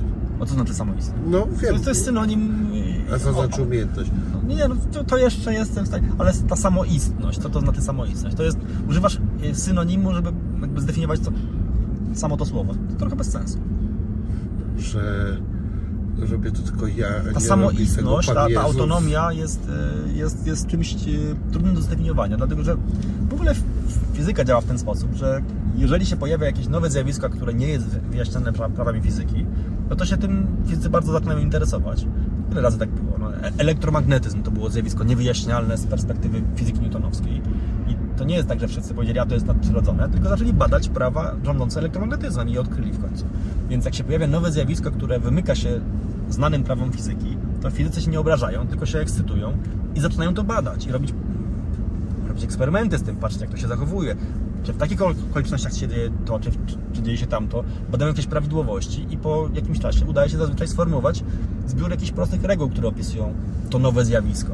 Więc yy, fizyka to jest, nie jest coś sztywnego, co nie jest jakiś określony zbiór reguł, tylko to jest metoda do poznawania prawdy na temat rzeczywistości. I na tym nam zależy, żeby zrozumieć, jak działa rzeczywistość. A jaka ta rzeczywistość jest, czy ona jest taka, czy owaka, to dopiero się do- dowiemy, jak ją, jak ją poznamy kiedyś, cały czas myślę o tej samoistności i e, e, samoistność, czyli jakby coś istniało e, bez ciągu przyczynowo-skutkowego, czyli no właśnie cały czas nie wiem Ale czemu... to, a czym to się różni od losowości? No właśnie, e, e, no właśnie niczym to w takim razie miałem rację. Ta losowość wpływa jednak na to, No dobra, że no to e, do- mamy do- wolną wolę. No to wracamy do tego idiotycznego przypadku, który kompro- kom- kompromituje tego typu spojrzenie, że umawiamy się od teraz, że będziesz mieć wolną wolę, która polega na tym, że cokolwiek będziesz robił, będziesz musiał posłusznie wykonywać moje polecenia, które będą wykonywa- wydawane na podstawie rzutu monetą. Dobrze, i ja na to odpowiadam, i to nie, bo mam wolną wolę, nie zgadzam się z tobą, No ale to, Andrzej. to łamiesz, zas- zasady, tak? Tak, i łamie zasady. Zgodnie z, Też zgodnie jeszcze z, taki ze mnie zgodnie z Twoją definicją, taka wolna wola, o której przed chwilą powiedziałem, jest wolną wolą dla Ciebie. To jest nic innego jak skrajne niewolnictwo tak naprawdę. Więc, więc to y, ta, te, los, utożsamianie wolnej woli i losowości jest nieporozumieniem.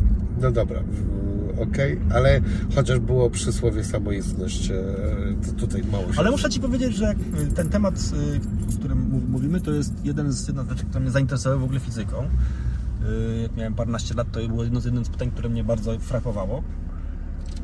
Z jakiegoś powodu mnie to właśnie, jeszcze jak w przedszkolu byłem chyba się tym interesował. Się zastanawiałem, czy gdyby było, było takie dziecko, które, którego tatuś wierzy w determinizm, to czy takie dziecko na przykład coś zbroiło i powie tatusiowi, y, że przecież musiałem tak zrobić, bo jestem zdeterminowaną maszyną, Tak. to czy tatuś miałby prawo mi dać lanie? Yy, Bo Nie, w końcu nie. to nie moja wina, tak? Że to Tak. zrobiłem, co zrobiłem, bo to tak, tak mnie zaprogramowano. Takie, taka rzecz mnie kiedyś zastanawiała. powiem. Jestem na poziomie rozwoju Andrzeja Dragana, jak był w przedszkolu. Słuchaj, więc mam do Ciebie dalsze... Cieszę, się, że te, tego typu zagadnienia są trudne do, do rozwikłania, więc to, to, One, mnie to fascynuje. E, I będę chyba się nad tym zastanawiał sobie dalej. E, czekaj, coś chciałem słyszeć. A, wiem. E, chciałem się spytać Ciebie, w ogóle, kim byli Twoi rodzice, a już najbardziej interesuje mnie, e, kim była e, Twoja babcia i co to za super inteligentna osoba, ponieważ Ty stwierdziłeś, że e, jeżeli coś rozumiesz, to znaczy, że musiałbyś umieć wytłumaczyć to swojej babci. Ja jestem przekonany, że rozumiesz całą masę rzeczy, których nigdy w życiu nie wytłumaczyłbyś mi, ich mi, więc skoro byś wytłumaczył je swojej babci, zakładam, że była to cholernie inteligentna osoba. Więc tak, babcia jest alegoryczna i metaforyczna. Yy, Byłem kiedyś w Gruzji na jakiejś, zaprosili, gdzieś byłem na jakichś wakacjach takich, yy, też jeździliśmy po całym kraju stopem w zasadzie przez miesiąc.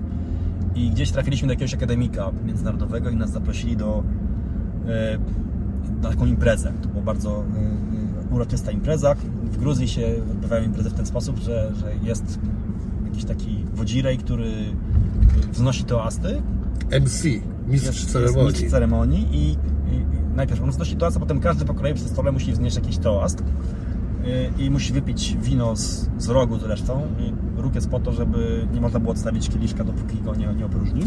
Nie, no I każdy musi wznieść toast i, i, i, i, i, i to jest bardzo ceremonialne i oni są bardzo y, y, dużymi tradycjonalistami. To nawet dotyczy młodzieży. Oni bardzo sobie cenią swoich rodziców, swoich dziadków, y, liczą się z ich opinią. Nie można, w- tak było przynajmniej wtedy jeszcze, wyjść za mąż, czy się ożenić bez konsultacji z rodzicami, Bez bez, aprobaty. bez aprobaty pełnej. No i yy, reguła była taka, że, że ten MC rzucał temat i na ten temat trzeba było wznieść jakiś toast. I tematem była babcia. Teraz wnosimy toast za naszych dziadków. Muszę sprawdzić, czy się nagrywamy dobrze, bo dobrze jest wszystko ok. Się przestraszyłem. Coś może być nie tak. Dobra. I te, tematem była babcia. Tak, no i tam wszyscy wznosili te toasty za, za, za zdrowie swoich dziadków, swoich babci i tak dalej. Doszło do mnie. Yy, ja powie... Po toaście, które wzniosłem, zostaliśmy z tej imprezy wyrzuceni. Nie tak bardzo brutalnie, ale wszyscy, wszyscy z niezwykle serdecznych i, i przyjacielskich stali się nagle bardzo wrodzy. Musieliśmy się stamtąd szybko ulotnić. Yy, Świetne. Potem zresztą y, od osoby, z którą tam byłem, z jednej z osób słyszałem, że to był najgorszy toast, jaki w życiu słyszała. Czyli najlepszy. Ja zacząłem od tego, że jedyny raz, kiedy widziałem swoją babcię, to, to na jej pogrzebie, jak leżała w trumnie. I potem było tylko z górki. Yy, więc nie, nie, nie, nie, nie, nie znam swoich babci, bo moi rodzice, jak się urodziłem, to byli już, nie byli to bardzo ba- młodzi ludzie. Mój tata miał 54 lata. O proszę. Yy, I w związku z tym ta babcia jest oczywiście tylko metaforyczna. Natomiast prawda, to jest taka ogólna zasada i to nie, nie jestem pierwszą osobą, która o tym mówi, że jak się coś rzeczywiście rozumie, to to można wytłumaczyć, powinno się móc wytłumaczyć yy, komuś, kto się tym nie zajmuje, na przykład babci. Ale e, wiesz co, to mnie tu zaciekawiło, jak tutaj Gruzji powiedziałeś, to oni strasznie rapowi są, jakby oni sobie freestylują wręcz i rzucają tematy. Wiesz, jak raperzy czasami robią, że dobra, no to nie wiem, e, orzeszek wiem, kiedyś i bach. jeździłem, jeździłem na bitwy raperskie kiedyś. Tak? Ale e, biłeś się na tych bitwach? Nie, nie, nie, nie, nie byłem na, nie, aż tak nie niestety, ale byłem 2004 roku na tej słynnej bitwie warszawskiej byłem, No. która jest legendarna do dzisiaj. Tam chyba Pan Duże P był jeszcze, Aha. i Tetris i jeszcze parę innych. Tak. Historia była taka, że... Znaczy nie wiem, czy wtedy na niej byli, ale na pewno Tak. zakładam, że tak, tak, bo to tak, tak, freestylerzy. Tak. I y, to były jeszcze czasy przed Quebo. Aha. Już pa, dobre parę lat przed, przed, przed jego y, tam wbiciem się w te, te, te tematy. Natomiast historia była taka, że jechałem samochodem tym razem swoim i na stopa podwiozłem jakąś dziewczynę, która okazała się, że jedzie na tą bitwę jako uczestnik. Okej. I w ogóle całą drogę mi rapowała, śpiewała, tam się przy, przygotowywała i, ym, i potem mnie tam zaprosiła. Także tam w, od tego czasu mi się to tyle spodobało, że byłem tam często regularnym gościem na tych bitwach. Tam się odbywały raz, dwa razy w roku. Aha, i co, znudziło Ci się to już? Czy... Nie, tylko y, nie, nie, nie, nie, to bardzo fajne, tylko że chyba ten, nie wiem jak to jest teraz, czy te bitwy ciągle się organizuje, jaki jest ich poziom. Wiesz co, w Polsce jeszcze temu poziomowi niestety dużo brakuje. E, W ogóle te bitwy freestyle'owe, e, najnowszy styl ich robienia, a już właściwie on istnieje od takiej sławetnej, sławetnej bitwy Freewaya z Cassidym. E, robi się a cappella i się do nich przygotowuje. I przez duży czas u nas był taki problem, że troszkę pewne niezrozumienie wokół tego występowało, bo było coś takiego, że ha, ty tam przyszedłeś z tak zwanymi pisankami. Punchline'ami, tak? Nie, z pisankami, że, że już napisałeś. No sobie. tak, to wiem, to, to Tak, bez, bez no bo punchline to po prostu puenta, więc wiadomo, że z jakieś puenty Ale te powinieneś... punchline'y to były takie już ogarnięte też dobrze, nie? Że, No słuchaj, jak dobrze improwizujesz, to po, powinieneś... Chcesz tu być jak Schwarzenegger, a jesteś głupi jak Renzebeger. Na przykład, To no. takich rzeczy się nie wymyśla na żywo, tylko No, wiesz co, są różni mistrzowie w tym. E, Jak się długo ćwiczy umysł, to myślę, że można różne fajne rzeczy ogarniać. Natomiast teraz ta bitwa to jest trochę tak jak bitwa, nie wiem, e, na pięści. No, przygotowujesz się na zawodnika, tak? Jak się boksują, to oni oglądają, że ten wali z lewej, a ten tak, a no ten no. To, to, to wiadomo, że tak. No to, to, to no, bardzo dobrze, bo to dzięki temu to jest ciekawsze. ciekawsze no. I nie robi się. To jest proste. De, de, de, de, de, de, de, de. I, bo, bo to czasami bywało słabe przez to. Natomiast ci kolesie, którzy są takim topem światowym, no to oni są bardzo dobrymi freestylowcami. I nawet e, stosuje się do nich odwrotną e, czasami uwagę, że ach, teraz on spieprzył, nie przygotował się na bitwę, freestylował wszystko. E, w ogóle sobie wziął i zlekceważył to wystąpienie, a przecież dostał za to szmal, powinien się do, na to przygotować. A mówię o tej bitwie z tym Cassidym, bo oni też zrobili taką rzecz, w którymś momencie bodajże Freeway e, powiedział w czasie bitwy do Cassidy'ego, dobra, słuchajcie, już pieprzmy to, puszczaj bit mi, no nie? A oni mu powiedzieli, nie, nie, nie będzie bitu, a to chodziło o jedną rzecz. Freeway miał fajne flow i byłby w stanie skomponować coś, co by fajnie brzmiało, bo by po prostu e, po- pojechał pod ten beat, nie byłoby to super inteligentne, ale by dobrze brzmiało i tym by łapał punkty, natomiast oni mu na to nie pozwolili, bo właśnie nie, masz cały czas w punkt napierdalać, a się wyprztykałeś z kubańcu z pomysłów na to, jak dojechać przeciwnika. A tak zamykając ten temat, to polecam Ci, gdybyś chciał sobie kiedyś obejrzeć, są tłumaczone na polskie bitwy e, amerykańskie, ale również rosyjskie. I Rosjanie są absolutnymi mistrzami w tym i w ogóle mają największą ligę na świecie i są po prostu niesamowici. To jest jak kozetka u psychologa. To już nie jest coś takiego, że wrzuca się te puenty na krótko, tylko puentą jest całe rozwinięcie osoby i całej... przeszła ochota na język rosyjski?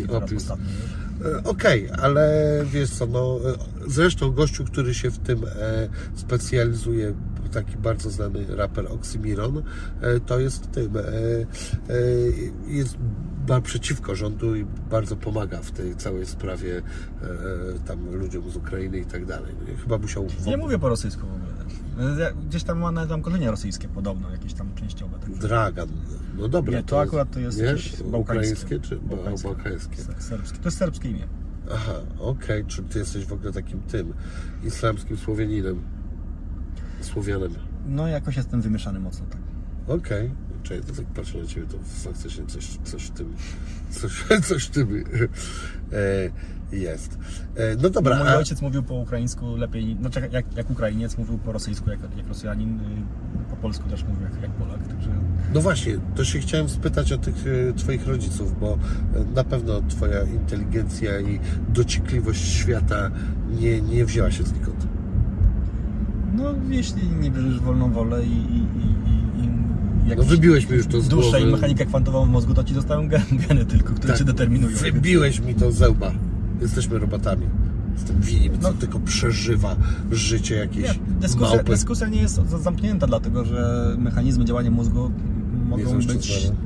Znaczy Penrose na przykład się upiera, że tam nie ma, że nie jesteśmy maszyną, bo są pewne matematyczne, deterministyczne zagadnienia, które są nieobliczalne. W tym sensie, że nawet jak masz zbiór deterministycznych reguł rządzących jakąś grą, to wynik może być nie do wyliczenia, zanim nie, nie wykonamy symulacji. Czyli zanim nie, nie, nie, wprowadzimy wszystkich obliczeń od A do Z.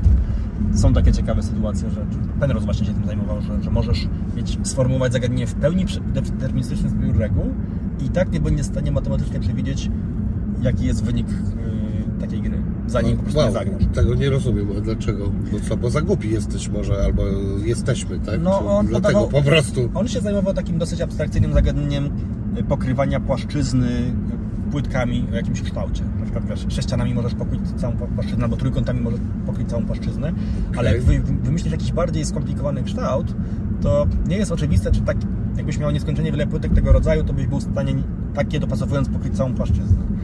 No i on pokazywał, że są takie, takie zestawy płytek, y, które mm, y, do których nie da się rozstrzygnąć, czy przy pomocy takiej płytki da się pokryć całą płaszczyznę, czy nie. Mimo, że ta płytka w zasadzie jej kształt y, jednoznacznie określa, czy to jest możliwe, czy nie. No, po prostu sprawdzić, dopasować i zobaczyć, czy się da, czy nie. I on pokazał matematyczne twierdzenia mówiące, że, że nie, nie istnieje algorytm deterministyczny przewidujący, czy dany, dany kształt płytki wystarczy do, do pokrycia całej płaszczyzny, czy nie. I robił to po to nie, żeby się zajmować płytkami, bo to jest bardzo abstrakcyjne zagadnienie, ale wykorzystywał te, te procesy do uzasadniania, że niektóre prawa fizyki mogą wyglądać na nieprzewidywalne, mimo że są w pełni deterministyczne. I on twierdzi, że mechanika kwantowa być może ma taki charakter i twierdzi również, że być może mózg ma taki charakter i, i wykonując jakieś procesy wewnątrz mózgu, nie wykonujemy ich w sposób przewidywalny, nie, nie, nie jesteśmy w stanie przewidzieć, co się wydarzy. Więc widzisz, ta dyskusja nie jest skończona, co, jak, jak jest z tym mózgiem i czy on działa w sposób przewidywalny, czy nie. Je- Jest to dużo subtelności, a trzeba pamiętać też o tym, że dużo rzeczy jeszcze kompletnie nie wiemy i jak się dowiemy, to nas to zaskoczy. Więc yy, ja bym nie był jednoznacznie przekonany, czy, czy mózg jest czymś bardzo, jest prostą maszyną. Może być bardzo skomplikowaną, Znaczy, no, to, to już wiemy, że dla nas jest skomplikowane. ale to, nie, ale to może nie być yy, skomplikowany zbiór ordynarnych kółek zębatych. To może być coś, co wykorzystuje procesy, które są bardzo nietrywialne i na to by, trzeba być gotowy, być, być może tak jest. Póki co nic na to nie wskazuje, póki co y, daje się bardzo dobrze symulować działanie mózgu prostymi sieciami neuronowymi stworzonymi w komputerach.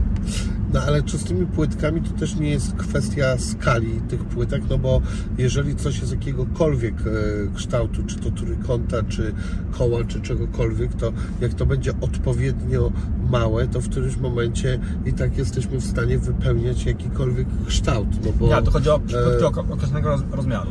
I dopasowanie musi być idealne, nie przybliżone, czyli masz Aha, boki muszą okay. się idealnie przylegać. Takie było to zagadnienie matematyczne. No, rozumiem, dobra, no bo najmniejszy, e, naj, co jest najmniejsze, co, Fa, ten, struna, tak, się teoria strun, tak mówi, W matematyce nie? nie? ma czegoś najmniejszego, najmniejszy jest punkt po prostu, ale... Ale, no, ale punkt jest nieskończenie, nieskończony, czy, czy ja się mylę? Wiesz, to jest pojęcie matematyczne i nie wiadomo, czy ma jakieś odzwierciedlenie w rzeczywistym świecie, zapewne nie. Natomiast y, to, to, to, czym się Penrose zajmował, to była czysta matematyka, więc tam nie musisz się przejmować, że, A, że takiego czegoś nie ma. No okej, okay. bo y, na przykład gdzieś kiedyś czytałem czy słyszałem, że nawet y, skala głosu, y, czyli właściwie chyba to też są fale, to znaczy głosu, w ogóle dźwięku, y, to też jest, ta, ona się zmienia podobno jak się bardzo to przybliży, to ona też się zmienia jakby punktowo, że nie przeskakuje płynnie, tylko że podobno tyk, tyk, tyk, tyk, tyk. Nie wiem, czy to no, jest bardzo prawda. możliwe, jeżeli, tak słyszałem jeżeli mam głos jest oparty o strunę, która jest zaczepiona dwoma punktami gdzieś tam w gardle, to drgania tych takie stojące fale w tej strunie też są skwantowane w tym sensie, że jest jakaś takie drganie o najniższej częstości, kiedy ta struna się od, odkształca i nie ma, tak, jedyne węzły, które ma to są w tych punktach zaczepienia.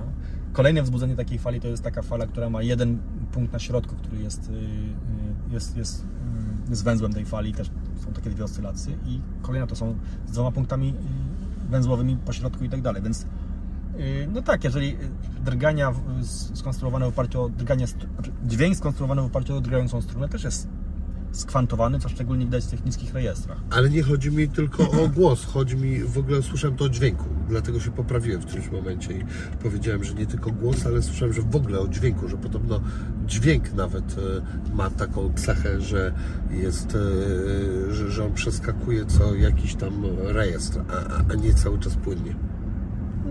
Nie wiem, no tu musiałem się zastanowić. E, nie, nie myślałem o tym nigdy. Ja tak słyszałem, więc ja się nie zastanawiałem, tylko mówię to. No w, wiesz, w muzyce masz y, te pojęcia alikwotów, które ci rozkładają dowolny dźwięk na tak, te dźwięki proste tak zwane i, i te alikwoty to są z matematycznego punktu widzenia częstości furierowskie danego dźwięku, które też są skwantowane. Czy często tak masz, że e, posługujesz e, e, się językiem, który ci się wydaje oczywisty do innych ludzi, a on jest dla nich czarną magią? A ty się zajmujesz muzyką, to powinieneś wiedzieć, co są alikwoty. Słuchaj, niekoniecznie? No nie, niekoniecznie. Ale no, nie wiem. To jest tak, że... Ale nawet nie chodzi już o alikwoty, bardziej później jakaś tam teoria furierowska, czy jakaś... Przepraszam, czasem się, się, za bardzo. Ale ja oglądałem twój, na TEDxie e, twoją wypowiedź i e, nawet tam użyłeś, a widziałem, że próbowałeś tak mówić prosto jak do konia, ale nawet tam użyłeś ze trzech przynajmniej słów, które musiałbym googlować. Nie, ale to, to moje, moje upośledzenie. To, to ale da, to nie jest twoje. To się skorygować, bo to... Ale to wszyscy to robią. Ja sobie myślałem, jak są te książki właśnie tych e, e, fizyków, czy ludzi, którzy są w odpo... nawet nie tylko naukowców, w jakiejś odpowiedniej dziedzinie siedzą, to sobie myślałem, że oni powinni wziąć 10 osób, nie jedną, 10 albo ileś, dać im tą książkę i niech oni po prostu markerem zaznaczą każde jedno słowo, które oni nie rozumieją, żeby można było później naprawdę, jeżeli chcesz się dotrzeć do szerokiego grona, to dotrzeć Ale kwantychizm jest wyczyszczony z tego dosyć mocno. Tam y, jest, przyznaję. Jest, jest tam, y, to, to było przepuszczane przez, y, no, między innymi przez moją narzeczoną, która nie ma z fizyką nic wspólnego. Jest no, inteligentna, tak, ale... a jest z tobą i już ale... się nasłuchała. Nie, ale, ale, ale, ale, ona odgrywała rolę właśnie takiego adwokat diaboli, tak? To się mówi w okay. Watykanie. Yy, że właśnie wyszukiwała takich rzeczy, które teoretycznie mogłyby być yy, kompletnie niezrozumiałe dla kogoś, kto, kto, kto nie zajmuje się nauką. I to jest kompletnie wyczyszczone. Książka jest napisana tak, żeby yy, przy odpowiednim nastawieniu, nawet osoba, która antynaukowa, mogła wszystko zrozumieć. No, proszę Państwa, ja w ogóle chciałem powiedzieć, że jestem gdzieś tak pi razy drzwi w połowie książki. E, myślę, że ją skończę, bo mnie e, interesuje. Są tam parę jest momentów, w których mi się wyłącza mózg. Mi się najczęściej wyłącza, jak już jest takie właśnie coś między matematyką a, a fizyką, taką, że tu wjechał wagon, a on jest długości y, tam y, czegoś i nie ma ślizgu i ten i to w takim ale, razie ale coś tam. jest jedna rzecz. Y, ta książka nie jest, nie jest bardzo łatwa. To znaczy, to ona udaje książkę łatwą, udaje książkę popularno-naukową, ale to jest książka, która jest dosyć, mimo wszystko trudna. Tylko trudność nie polega na tym, że są jakieś skomplikowane wyrazy, że są jakieś słowa, których nie znasz, czy, czy, czy wzory, których tam nie ma, tylko są rozumowania, które w zasadzie e, nie są nie są złożone z skomplikowanych elementów, ale wymagają rozumowania. Są to rozumowania. Musisz usiąść i się zastanowić. E, I to jest dosyć celowy zabieg, dlatego że bardzo wielu autorów książek popularno-naukowych pisze je tak, żeby y, człowieka w ogóle nie zmęczyć. Piszesz jakieś tam, wiesz, jakąś taką opowiastkę sobie snujesz y, i człowiek to czyta i mówi, no tak, mądry gość tak powiedział, to tak pewnie jest. A mi chodziło o to, żeby zrobić coś więcej, żeby napisać książkę, która oprócz tego, że powie Ci, jak działa mechanika kwantowa, jak działa teoria względności, jakie są jej, ich właściwości, żebyś miał y, okazję sam się przekonać, dlaczego są takie, jakie są. Dlaczego tak twierdzimy? I są tam w tej książce tak zwane eksperymenty myślowe, które wymagają od Ciebie, żebyś się zastanowił nad czymś. I to zastanowienie polega na tym, że, że nie wystarczy tę książkę przeczytać, tych fragmentów przeczytać raz. Często trzeba do nich wrócić, przemyśleć, przetrawić i dopiero iść dalej. Mimo, że tam nie ma skomplikowanych słów, to, są, to, to jest pewien rodzaj wysiłku, który musisz wykonać, żeby coś zrozumieć. I to jest po pierwsze niezbędne, żeby w ogóle cokolwiek zrozumieć, a nie tylko przyjąć na wiarę, że, że tak mówi ktoś i już. Ale nie, nie chcę, żeby ktokolwiek mi wierzył w cokolwiek. A po drugie, jest to pewien, pewien próbnik tego, jak wygląda praca naukowców. Yy, yy, mi się zdarzało na przykład mieć takie sytuacje, że w czasie studiów utrzymywałem się w, niemal wyłącznie z korepetycji, bo nie brałem pieniędzy od, od rodziców na studia. I, tak, rozmawialiśmy o tym, to było i, bardzo fajne. I się, I się z tego utrzymywałem. I pamiętam taką sytuację, uczyłem studentów niemal wyłącznie i była taka sytuacja, że ktoś mi mówił, a praca naukowca to jest, co to, to w ogóle jest? Siedzisz przy biurku i, i, i nic nie robisz. No i po, no to dobra, to, to jedziemy z korepetycjami i czegoś tam człowieka uczyłem i on po godzinie już miał kompletny, jego mózg był zlasowany, musiał odpocząć, był potwornie zmęczony, bo to jest niezwykły wysiłek mimo wszystko. I on, człowiek pamiętam, że zmienił zdanie, no faktycznie, to, to, to jednak ja wolę być górnikiem niż, niż, niż używać mózgu y, y, y, na przykład do, do liczenia całek. Praca fizyczna jest dla mnie mniej wyczerpująca niż praca, praca mózgu. To no. potrafi tak się, tak się wydarzyć. I w tym sensie jest to zawód, który wymaga dużego wysiłku bardzo. Natomiast i też dlatego trochę jest książka napisana tak, żeby, żeby od czasu do czasu człowiekowi pokazywać jakiś drobny taki, tak, taką gimnastykę umysłową też dlatego jest, y, są te, te elementy prze, przecinane non-stop jakimiś y, idiotyzmami, jakimiś y, odskoczniami od tego, żeby człowieka trochę zrelaksować, żeby jakby nie, nie, nie przemęczyć czytającego. Ale generalnie książka jest napisana w dosyć rozrywkowy sposób, żeby właśnie po to, żeby oszukać czytającego, że, że te trudne tematy są takie trudne. Okej, okay, rozumiem, że używasz takiego słowa zabawnie szukać, a ja bym powiedział, że to jest y, znalezienie e, pewnego złotego e, środka i mi się to bardzo podoba, gdzie troszeczkę ten e, mózg koncentrujesz, ale też go rozluźniasz po to, żeby można było sobie w tej sinusoidzie nie zmęczyć się za mocno. A mm, ja polecam książkę i jest dużo fajnych, na przykład takich dla takiego humanisty jak ja, e, dużo e, fajnych e, historii. Polecam Wam, żebyście sobie poczytali o hipnozie, na przykład według Andrzeja Dragana. Jest tam masa fajnych historii, na przykład o stawaniu na jednej nodze. I nie będę tego tematu dalej opisywał, niech ludzie sobie sprawdzą.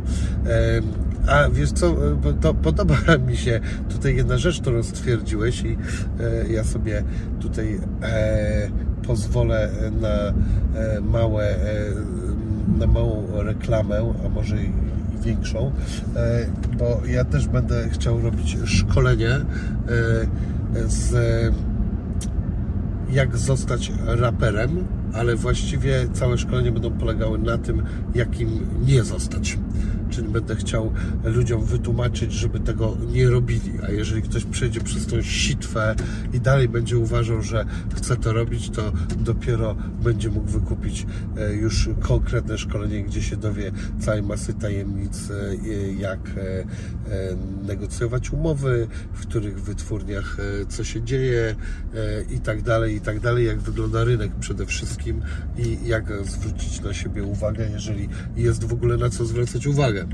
Natomiast e, e, tutaj widzę, że podobna rzecz nastąpiła, że po prostu paru osobom chyba wytłumaczyły, że ej, przecież mm, nie ma nic złego, żeby robić coś, e, fizykę uprawiać fizycznie, a nie, a nie myślowo. No w końcu to praca fizyczna jest, tak? No tak, tak, słyszałem to. Słuchaj, a jeszcze jak jesteśmy przy takich tematach, muszę powiedzieć, że marka 100% wraca na rynek. Sprawdźcie na stronie 100%com, jeżeli chcecie inwestować w akcje. A my tak zdradzę, że jesteśmy po lekkim słowie, żeby może coś e, razem przygotować. Ja Wam mówiłem, że będzie dużo dropów i jeszcze to nie jest żadne, że na pewno to powstanie. Kto wie, może nie, ale czy jest jakiś temat na przykład e, teraz e, z za, zagadnień fizyki, nie wiem, fizyki kwantowej, który mógłby dotrzeć e, do szerszego grona ludzi i który byłby e, ciekawy, ciekawym czymś, na co moglibyśmy zwrócić uwagę i nadać tą treść przez ubrania, bo my chcemy, żeby marka 100% bardzo dużo mówiła. Ona zawsze mówiła, ale teraz ma mówić jeszcze więcej. Czy jest coś takiego, co chciałbyś nagłośnić?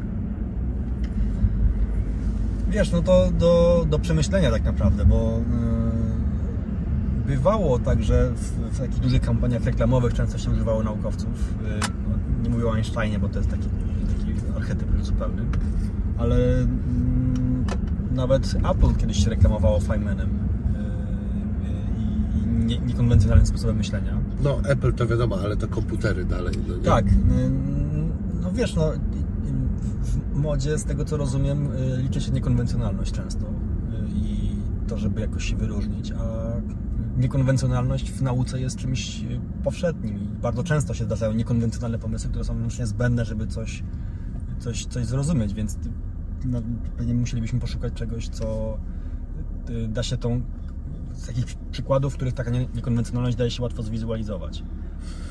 A co to teraz na przykład czy ty pracujesz nad czymś teraz, z czego będzie jakiś pożytek, czy to jest, czy nad taką teorią? W górnictwie i w hutnictwie na przykład, tak? No, no, no, tak wiesz co, rzucam. Ja zakładam, że tak naprawdę zawsze jest pożytek z e, myślenia na, e, głęb, w głębo, na głębokim levelu, że tak powiem, e, bo często są tak teoretyczne rzeczy, które dopiero za jakiś e, dłuższy okres czasu ludzie nagle dochodzą do tego, że wcale to nie była tylko teoretyka, tylko się to przydało do, nie wiem, tego czy śmego. No jest ta słynna y, y, historia o Faradaju, który był synem chyba Kowala bodajże, czy y, pracował gdzieś, zresztą jako introligator, jako pomocnik introligatora pracował jako dziecko i się w ten sposób nauczył fizyki, czytając książki, które oprawiał, bo nie miał, i rodzice nie mieli pieniędzy na, na edukację. Został jednym z najwybitniejszych naukowców i jak się wieść rozniosła to, że jakieś ciekawe eksperymenty robi z prądem elektrycznym, jakimś dziwnym zjawiskiem, które dopiero co odkryto. I jakiś urzędnik rządu jej królewskiej, czy jego królewskiej mości przyjechał odwiedzić Faradaya w tym laboratorium, to legenda jest taka, że się pytał Faradaya po cholerę ten, ten cały prąd, po, co, na, na, co pan to, to, to robić w ogóle? A Faraday mu odpowiedział, że nie wiem na co ten prąd, ale pewnie za pół roku pan to opodatkujesz. Znam ten tekst, świetny jest. Więc nie, tak, tak, generalnie w, nau, w, nauce często bywa, że rzeczy się okazują dopiero przy okazji, do czego się mogą przydać. No Einstein jak, jak tworzył teorię względności, to nie myślał o zastosowaniach, a parę lat później wybuchła bomba atomowa, która działa tylko w oparciu o dzięki, dzięki, dzięki zrozumieniu teorii względności.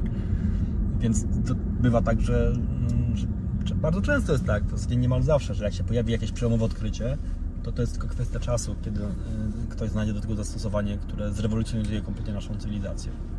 To nad czym teraz takim pracujesz, e, jeżeli możesz uchylić szopkę tajemnicy, czy w ogóle ktokolwiek zrozumie, jeżeli e, to powiesz w ogóle, co to może, nawet nie wiem, koło czego to może leżeć?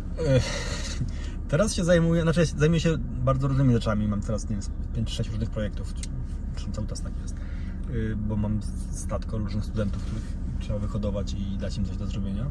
Natomiast jednym z tematów, które, w które jestem teraz mocno wkręcony jest ym, kontynuacja tego, tej pracy z Arturem Eckertem, o której wspomniałem. Mianowicie o tym, jak wygląda rzeczywistość z perspektywy obserwatora, który się porusza z prędkością większą niż prędkość światła. I ciekawe rzeczy, które tam się okazują, są takie między innymi, że y, o ile w takim naiwnym modelu y, czasoprzestrzeni, od którego zaczęliśmy, sytuacja jest dosyć klarowna, o tyle w prawdziwej czasoprzestrzeni, w której żyjemy, w której jest jeden wymiar czasu, jeden czas i trzy wymiary przestrzenne, trójwymiarowa przestrzeń i jeden czas, takiej rzeczywistości, gdyby się porusza z prędkością nadświetną, to wszystko wskazuje na to, że w takim nadświetnym układzie odniesienia, w którym lecę szybciej niż światło, nie ma jednego wymiaru czasowego i trzech wymiarów przestrzennych, tylko jest odwrotnie. Czas ma trzy wymiary, a przestrzeń ma jeden wymiar. Cokolwiek by to znaczyło. Nic z tego nie rozumiem, ale Te- ja czekaj, te- ja też ja już bym ci chciał przerwać i powiedzieć e, zaraz, ale podobno nie da się w ogóle poruszać e, e, szybciej niż światło, więc po cholerę w ogóle o tym myśleć i co to w ogóle znaczy. Nie- Nie możesz się rozpędzić do prędkości nadświetnej nad tym samochodem, dlatego że to by wymagało nieskończonej energii. Ale, ale nie jest wykluczone, że istnieje materii, pewien inny rodzaj materii, którego jeszcze nikt nie widział, który na pewno gdyby istniał, to miałby takie właściwości, że gdybyśmy spowalniali tą materię, to im wolniej ona się porusza, to ma większą energię. Czyli Dokładnie na odwrót. Na odwrót niż ze zwykłą materią. I takiej materii nie To dało nie się... jest antymateria? Nie. Okej. Takiej materii nie dałoby się spowolnić do prędkości mniejszej niż prędkość światła. Więc gdybyś miał samochód zbudowany z takiej materii, to on by się musiał zawsze poruszać prędkością nadświetną według nas. I, Okej. I tego typu samochód też nie mógłby przekroczyć prędkości światła, tylko że od góry, nie od dołu. W związku z tym prędkość światła nie da Okej. się przekroczyć. On by zawsze le leciał szybciej niż prędkość światła. Tak. I te, w- teoria względności tego typu sytuacji nie wyklucza. Yy, Nie wiemy, czy taka, taka materia istnieje, czy nie, ale w zasadzie mogłaby istnieć i zastanawiamy się nad tym, jak z perspektywy takiej hipotetycznej materii wygląda rzeczywistość. No i taka rzeczywistość yy, z, z tej perspektywy jest właśnie taka, że przestrzeń ma tylko jeden wymiar, więc możesz się tylko poruszać do przodu i do tyłu, nie masz kierunków, ale za to cza- czas jest trójwymiarowy. Yy, Sam nie wiem, co to znaczy. Trójwymiarowy. Próbujemy. Wiesz, no jedna z What the konsekwencji. fuck? Już ci mówię. Y, Otóż, y, jeżeli czas jest jednowymiarowy, to natychmiastowa konsekwencja jest taka, że, że istnieje pewna chronologia. Coś jest wcześniej, coś jest później. Możesz uporządkować zdarzenia w, w określonej kolejności. W taki sam sposób, jak możesz uporządkować liczby od mniejszej do większej na, na oś liczb. I na przykład oś liczb rzeczywistych ma taką hierarchię, że jeden jest mniejszy od dwóch, dwa jest mniejszy od trzech. Masz y, natural, naturalny porządek. I tak samo jest z czasem, kiedy jest on jednowymiarowy, masz naturalną chronologię. W matematyce się wprowadza takie pojęcie liczb zespolonych, gdzie liczby nie leżą tylko na osi, ale na płaszczyźnie.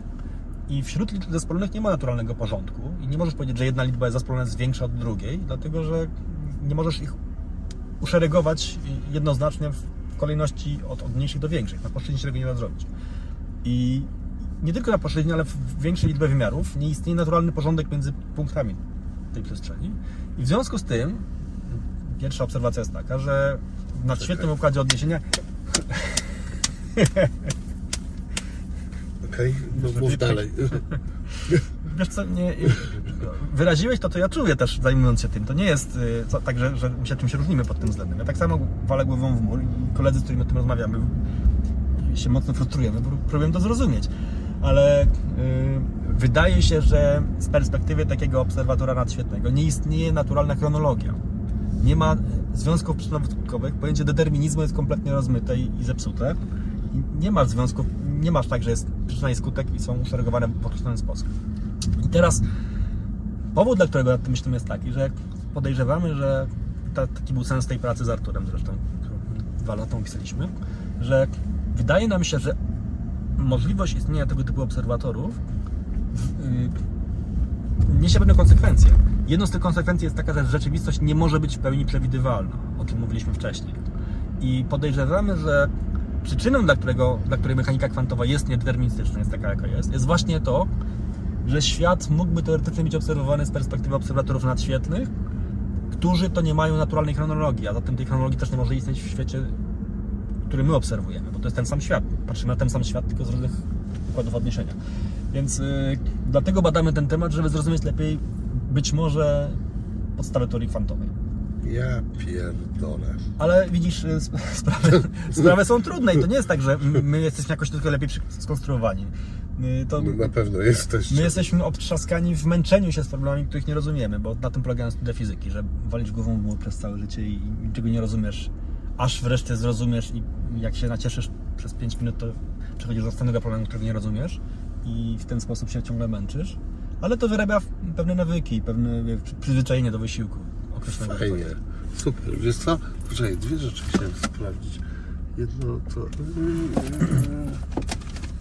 Możesz pomachać pre- prezesowi Kaczyńskiemu tam pewnie teraz siedzi. Tak? Myślisz? Czekaj. Szybko sprawdzę z tyłu, czy coś mam.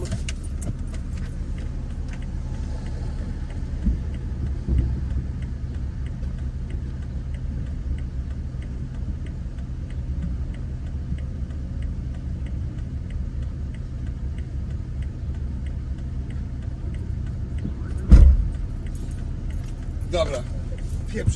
Nie udało się. Chciałem puścić tą piosenkę, co ci kiedyś wysłałem. Aha. Co tam się mądrze jakieś, że wybucha człowiek jak 30 bomb atomowych czy coś tam. Ale się nie udało. Yy, Ale wiesz co, a propos piosenek, to uważam, że powinieneś jeden numer sprawdzić. Yy, NASA. Znasz NASA? Na, taki raper Nas, No, tak? Nas. Amerykański Coś kojarzę, raper. tak. On ma taką piosenkę, w której opowiada historię od tyłu. Aha. No i ona się zaczyna, że kula wyleciała mu z głowy i wraca do pistoletu. E, bardzo fajny numer. E, Mój kolega stworzył y, taki trailer do słynnej obecnie gry takiej y, Dead Island bodajże. Aha, On tą grę w ogóle tworzył i też y, zrobili zwiastun tej gry, czy tam wprowadzenie. Mhm. Gra nie wiem, czy była dobra, czy nie, bo nie grałem, ale jest fenomenalne intro, w którym właśnie historia dzieje się od tego, że jakaś rodzina ginie w jakiś spektakularny sposób, zabita przez tłum zombiaków i historia jest pokazana w odwrotnej kolejności i wszystko zaczyna się od... Kończy, trailer się kończy tym, jak się historia zaczęła. Zaczęła się Chyba tym, widziałem ten trailer. Szczęśliwa rodzina jedzie na wakacje. chyba widziałem ten trailer. E. ty, to ja muszę w ogóle, jakby się dało tam z chęcią sobie e, porozmawiał no, z tą osobą, bo bardzo mnie interesuje też świat gier, a miałem mało osób e, e, z, z No tego ja, świata. ja wielu tych ludzi znam stąd, że te początki, mm, o których mówiliśmy, jak byłem nastolatkiem, siedziały w świecie krakerów i Aha. generalnie etos był taki, że się łamało gry i łamało zabezpieczenia i to, Rozumiem. To No, przepraszam, ja ci tak? mówię, że to będzie... e, e, że się ła- łamało zabezpieczenia gier i się to rozdawało za darmo. E, Tak zaczynało bardzo wielu ludzi, mm, z, obecny nawet chyba e, CEO e, CD Projektu. Aha. e, Też tak zaczął. zaczął od handlowania grami, które No to ja wiem, krakował wiem. Na, Tak. na giełdzie w Warszawie. I to też y, y, y, nasz członek jednej z grup moich znajomych właśnie. E, No teraz ci ludzie wyewoluowali, dojrzeli. Zarabiają Tak jak w Trainspotting, tak? gry. Przeszli do, do, do przeciwnika i teraz robią gry. I są w tym, w tym świecie ro- robiących gry i z, wielu tych w game devie ludzi, którzy siedzą tam na wysokich stanowiskach, to właśnie byli moi koledzy, którzy zaczynali na demoscenie. No to ciekawe. To sceny. będę ten Cię prosił, żebyś mnie z kimś z nich poz, e, poznał. Tak jak patrzę, jak Ci cały czas te klucze lecą, to wiesz co, będziemy musieli zrobić jakieś spodnie, opracować, do których będziesz mógł klucze dobrze przypiąć. Ale Ty widzę, bardzo lubisz e, odzież e, taką taktyczną. Jak Ty jeździsz do tego Singapuru, to oglądasz sobie trochę azjatyckie marki streetwearowe? Mi się wydaje, że... że Singapur jest słabym miejscem. Znaczy oni, oni są bardzo sformatowani ci ludzie i to są chodzące roboty tak swoją drogą. Naprawdę? Więc jak przejedziecie do Singapuru, to zmienisz zdanie na, temat wolnej woli, bo tam ci ludzie zachowują się jak, jak, jak maszyny, które realizują algorytm. Okej. Natomiast y, Azja jest o wiele bardziej różnorodna niż Europa, według mnie. I Mhm. różnica między na przykład Japonią, a, a, a Koreą Południową, a, a Singapurem jest dużo większa niż różnica między Niemcami, Francją a Polską na przykład. Okej. E, Więc jak musiałbyś sprecyzować, co myślisz, co masz na myśli mówiąc o Azji, ale w, yy, Są takie, jest taki japoński streetwear, na to się mówi, Japo- trochę to przypomina. Japonia jest super. Japonia jest moim ulubionym krajem, na pewno w Azji, a być może nawet na świecie. Trochę to przypomina właśnie takie na przykład krótkie spodenki, jakie masz, e, albo często też długie, dużo pasków, dużo takich nawiązań do e, militarii, Tak, ale to, to, w taki... po, w południu, to jest taki techwear, to się chyba nazywa. Tak, to jest tak. y, południowo-koreański chyba wymysł. E, No, nie wiem, wiem też, że japońskie firmy to robią pewnie, dlatego użyłem na początku stwierdzenia azjatyckie. My byśmy też chcieli w 100% coś takiego zrobić. Y, Tak, lubię, lubię to. No to fajnie. E, słuchaj, jeszcze czekaj. A, mam pytanko do Ciebie. Czy y, ja mam Cię odwozić, czy my coś może zjemy? Ja bym mógł coś y, zasymilować, tylko bym chciał jeszcze zadzwonić w takim razie do narzeczonej, bo tak mieliśmy się wstępnie umówić na, na lunch, ale może będzie No. chciał do nas dołączyć po prostu. No to dobrze, słuchaj, to ale to znaczy, jak chcesz, to dzwoń teraz. Ja mam pomysł w ogóle, lubisz e, ten e, azjatyckie wege? Nie. Ja nie jem niczego, co pływa. Wege nie pływa, więc pewnie zjem, ale jak, jak jeżdżę do, do Nie, tam do nic nie pływa. Jak, jak wiem, więc dlatego pewnie jestem w stanie... Z, z, A byłeś na Chmielnej? Na, w tym Wege Kitchen? tak, chyba wiem, o czym mówisz. Wiesz co, y, moja, lubisz tego, moja laska jest, jest wegan, wegetarianką, więc... No. Czy bardziej jaroszką należałoby powiedzieć. Okej. Niemodne słowo już teraz. Więc na Czemu? pewno by się ucieszyła. To co, idziemy tam, czy idziemy gdzieś indziej? Y, Wiesz co... Albo może Ty coś zaproponujesz? Ja, ja, ja, ja wszędzie coś zjem, bo ja najczęściej jem kurze ścierwo, a to wszędzie się da, da znaleźć, No. więc ja nie jestem tutaj decydentem No najważniejszym. to chodźmy tam. To ona jest y, tą jaroszką, y, ja takim nie wiadomo kim, a ty nie jesz ryb, ale tam nie ma ryb, więc. y, Ale to ten. skonsultujmy się już nie na wizy i zdecydujemy coś. Dobra, no to zaraz ten, zaraz kończymy. Ja myślę, czy ja jeszcze jakiś temat pominąłem, pewnie całą masę. A, wiem, co miałem się spytać, że gdyby teraz takiego Einsteina e, wskrzesić i z jego umysłem przed, e, powiedzmy, e, śmierci jego, to e, Myślisz, że on by był w ciężkim szoku, do czego doszło z tego też y, y, wszystkich jego myśli? No, on by był w tym szoku, żeby nie rozpoznał w ogóle współczesnej fizyki nieomal, bo to się tak zmienia, że często skala kilku lat powoduje, że ludzie tracą kontakt z, z, jakby z, z całą teorią, która się rozwija w niewiarygodnym tempie. Mm, Wiesz, na Spotify'u się publikuje codziennie kilkadziesiąt godzin muzyki. No, znaczy, na pewno dużo więcej, Masakra. dużo więcej niż 24 godziny. To znaczy, że nie jesteś w stanie przesłuchać wszystkiego, nawet gdybyś chciał. nie. Yy, Gdybyś 24 godziny na dobę słuchał tylko muzyki, to nie jesteś w stanie przesłuchać wszystkiego, co się wypuszcza. Z fizyką jest chyba jeszcze gorzej, dlatego że liczba artykułów, które wychodzi jest, jest nieprawdopodobna i nie da się być specjalistą już czymkolwiek poza jakąś wąską dziedziną. Myślę, że Einstein w większości rzeczy nie rozumiał po prostu yy, z tego, co się dzieje we współczesnej nauce. A gdyby chciał się w coś wgryźć, to yy, na pewno by go to zszokowało, bo nie dość, że on nie dowierzał w ogóle i jeszcze w taką wczesną mechanikę kwantową, która, której się uczy studentów na drugim roku. I tutaj już było dla niego to coś niewyobrażalnego. Postawił szlaban, nie chciał iść dalej. Co, to, to teraz wszystko, co to się dzieje, jest oparte na tej teorii kwantowej i współczesne teorie y, są na tak bardzo abstrakcyjne. Y, ludzie już próbują absolutnie wszystkiego, nauczeni doświadczeniem XX wieku, że wszystkie przełomy w nauce, które się dokonywały, to było kompletne zaskoczenie. Aha. Więc teraz mm, idzie, idzie ludziom na, idzie, przepraszam, ludzie idą na całość i wymyślają jakieś kompletnie abstrakcyjne rzeczy. Konstruują teorie. wa- Wariantów kwantowej grawitacji jest już tyle, że, że mm, jest, trudno byłoby je policzyć. Mm, Bo ludzie po prostu wiedzą, że, że rzeczywistość jest o wiele bardziej abstrakcyjna niż nam się wydaje. I więc to coraz bardziej przypomina mm, science fiction. Wiesz, zasadnicza różnica, różnica między science fiction a nauką jest taka, że science fiction musi być wiarygodne. Bo nikt by w to nie uwierzył, bo nikt nie chciał tego czytać, co jest, czegoś, co jest niewiarygodne. A nauka nie musi być wiary, wiarygodna. Okej, cholera, to jasne, ja lubię to w tobie. Ty zawsze wszystko opowiadasz na odwrót niż wszyscy myślą. Nauka nie musi być wiarygodna, bo Zdajesz sobie sprawę, że to zdanie ktoś by skonstruował dokładnie odwrotnie. No wiesz, no, no bo y, ludzie lubią gadać głupoty, ale prawda jest taka, że rzeczywistość jest zaskakująca. A książki popularno-naukowe mają się zaskakiwać fabułą, ale świat musi być skonstruowany w taki sposób, żeby był wiarygodny, żeby sobie mógł go wyobrazić. Okej. Mechaniki kwantowej sobie nikt nie potrafi dobrze wyobrazić. Yy, Możemy ją zapisać matematycznie, możemy przy- tą strukturę logiczną zrozumieć, ale jest to sprzeczne z intuicją.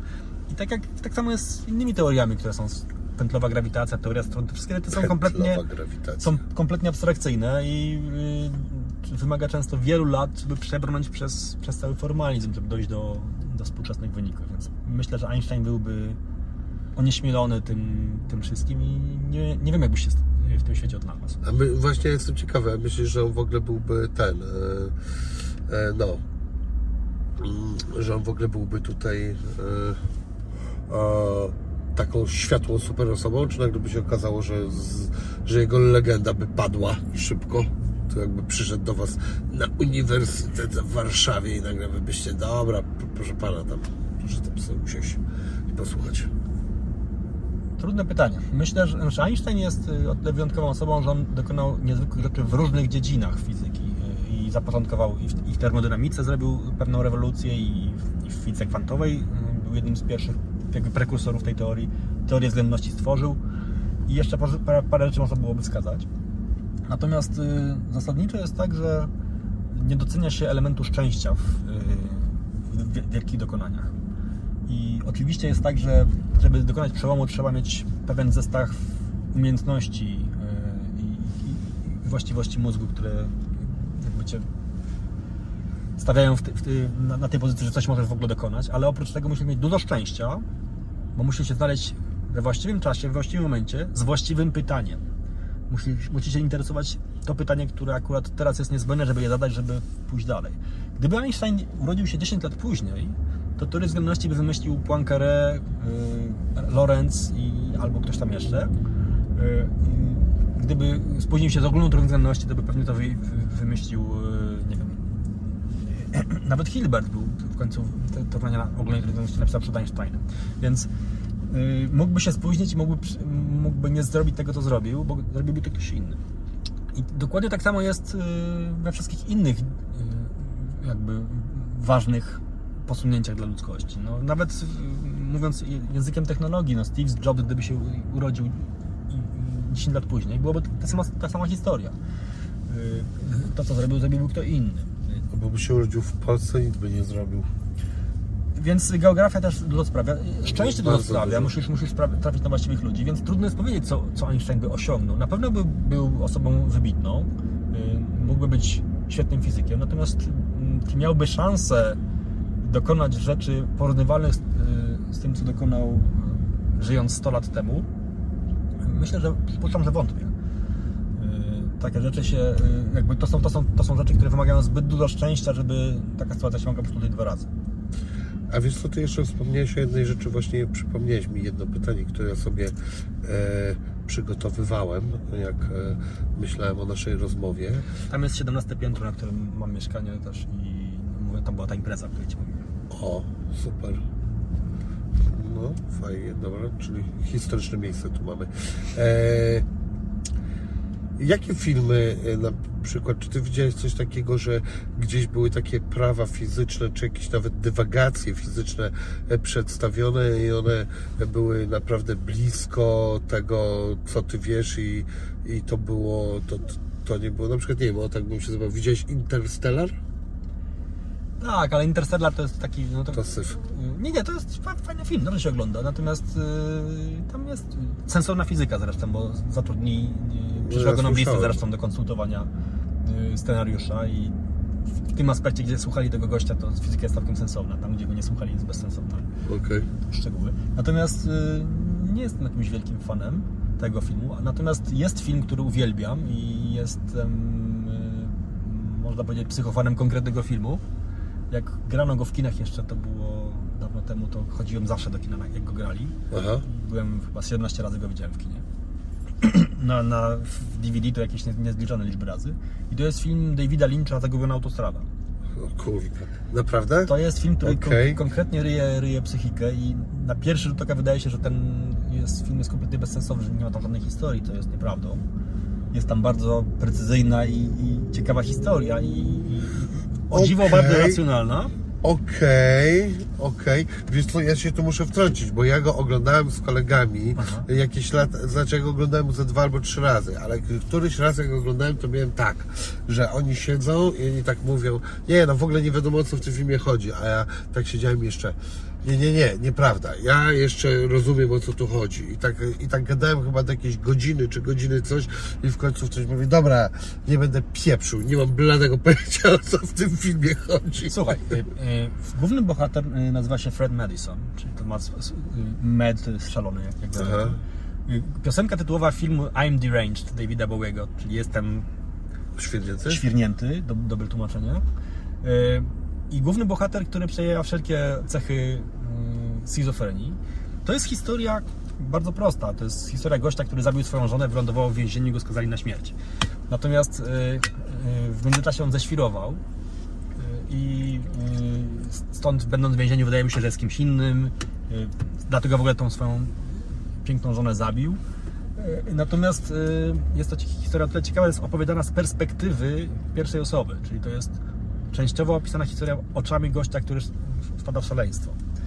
I dlatego tam ta racjonalność jest rozchwiana, że no tak czują się ludzie, którzy Są myślą, że są, kim, że są, kim, są kim innym. No, tam ta chronologia wydarzeń i y, racjonalność jest mocno rozmyta. No ale w końcu ci ludzie coś czują, jakoś ten świat op- opisują, ci, którzy siedzą zamknięci w wariatkowie.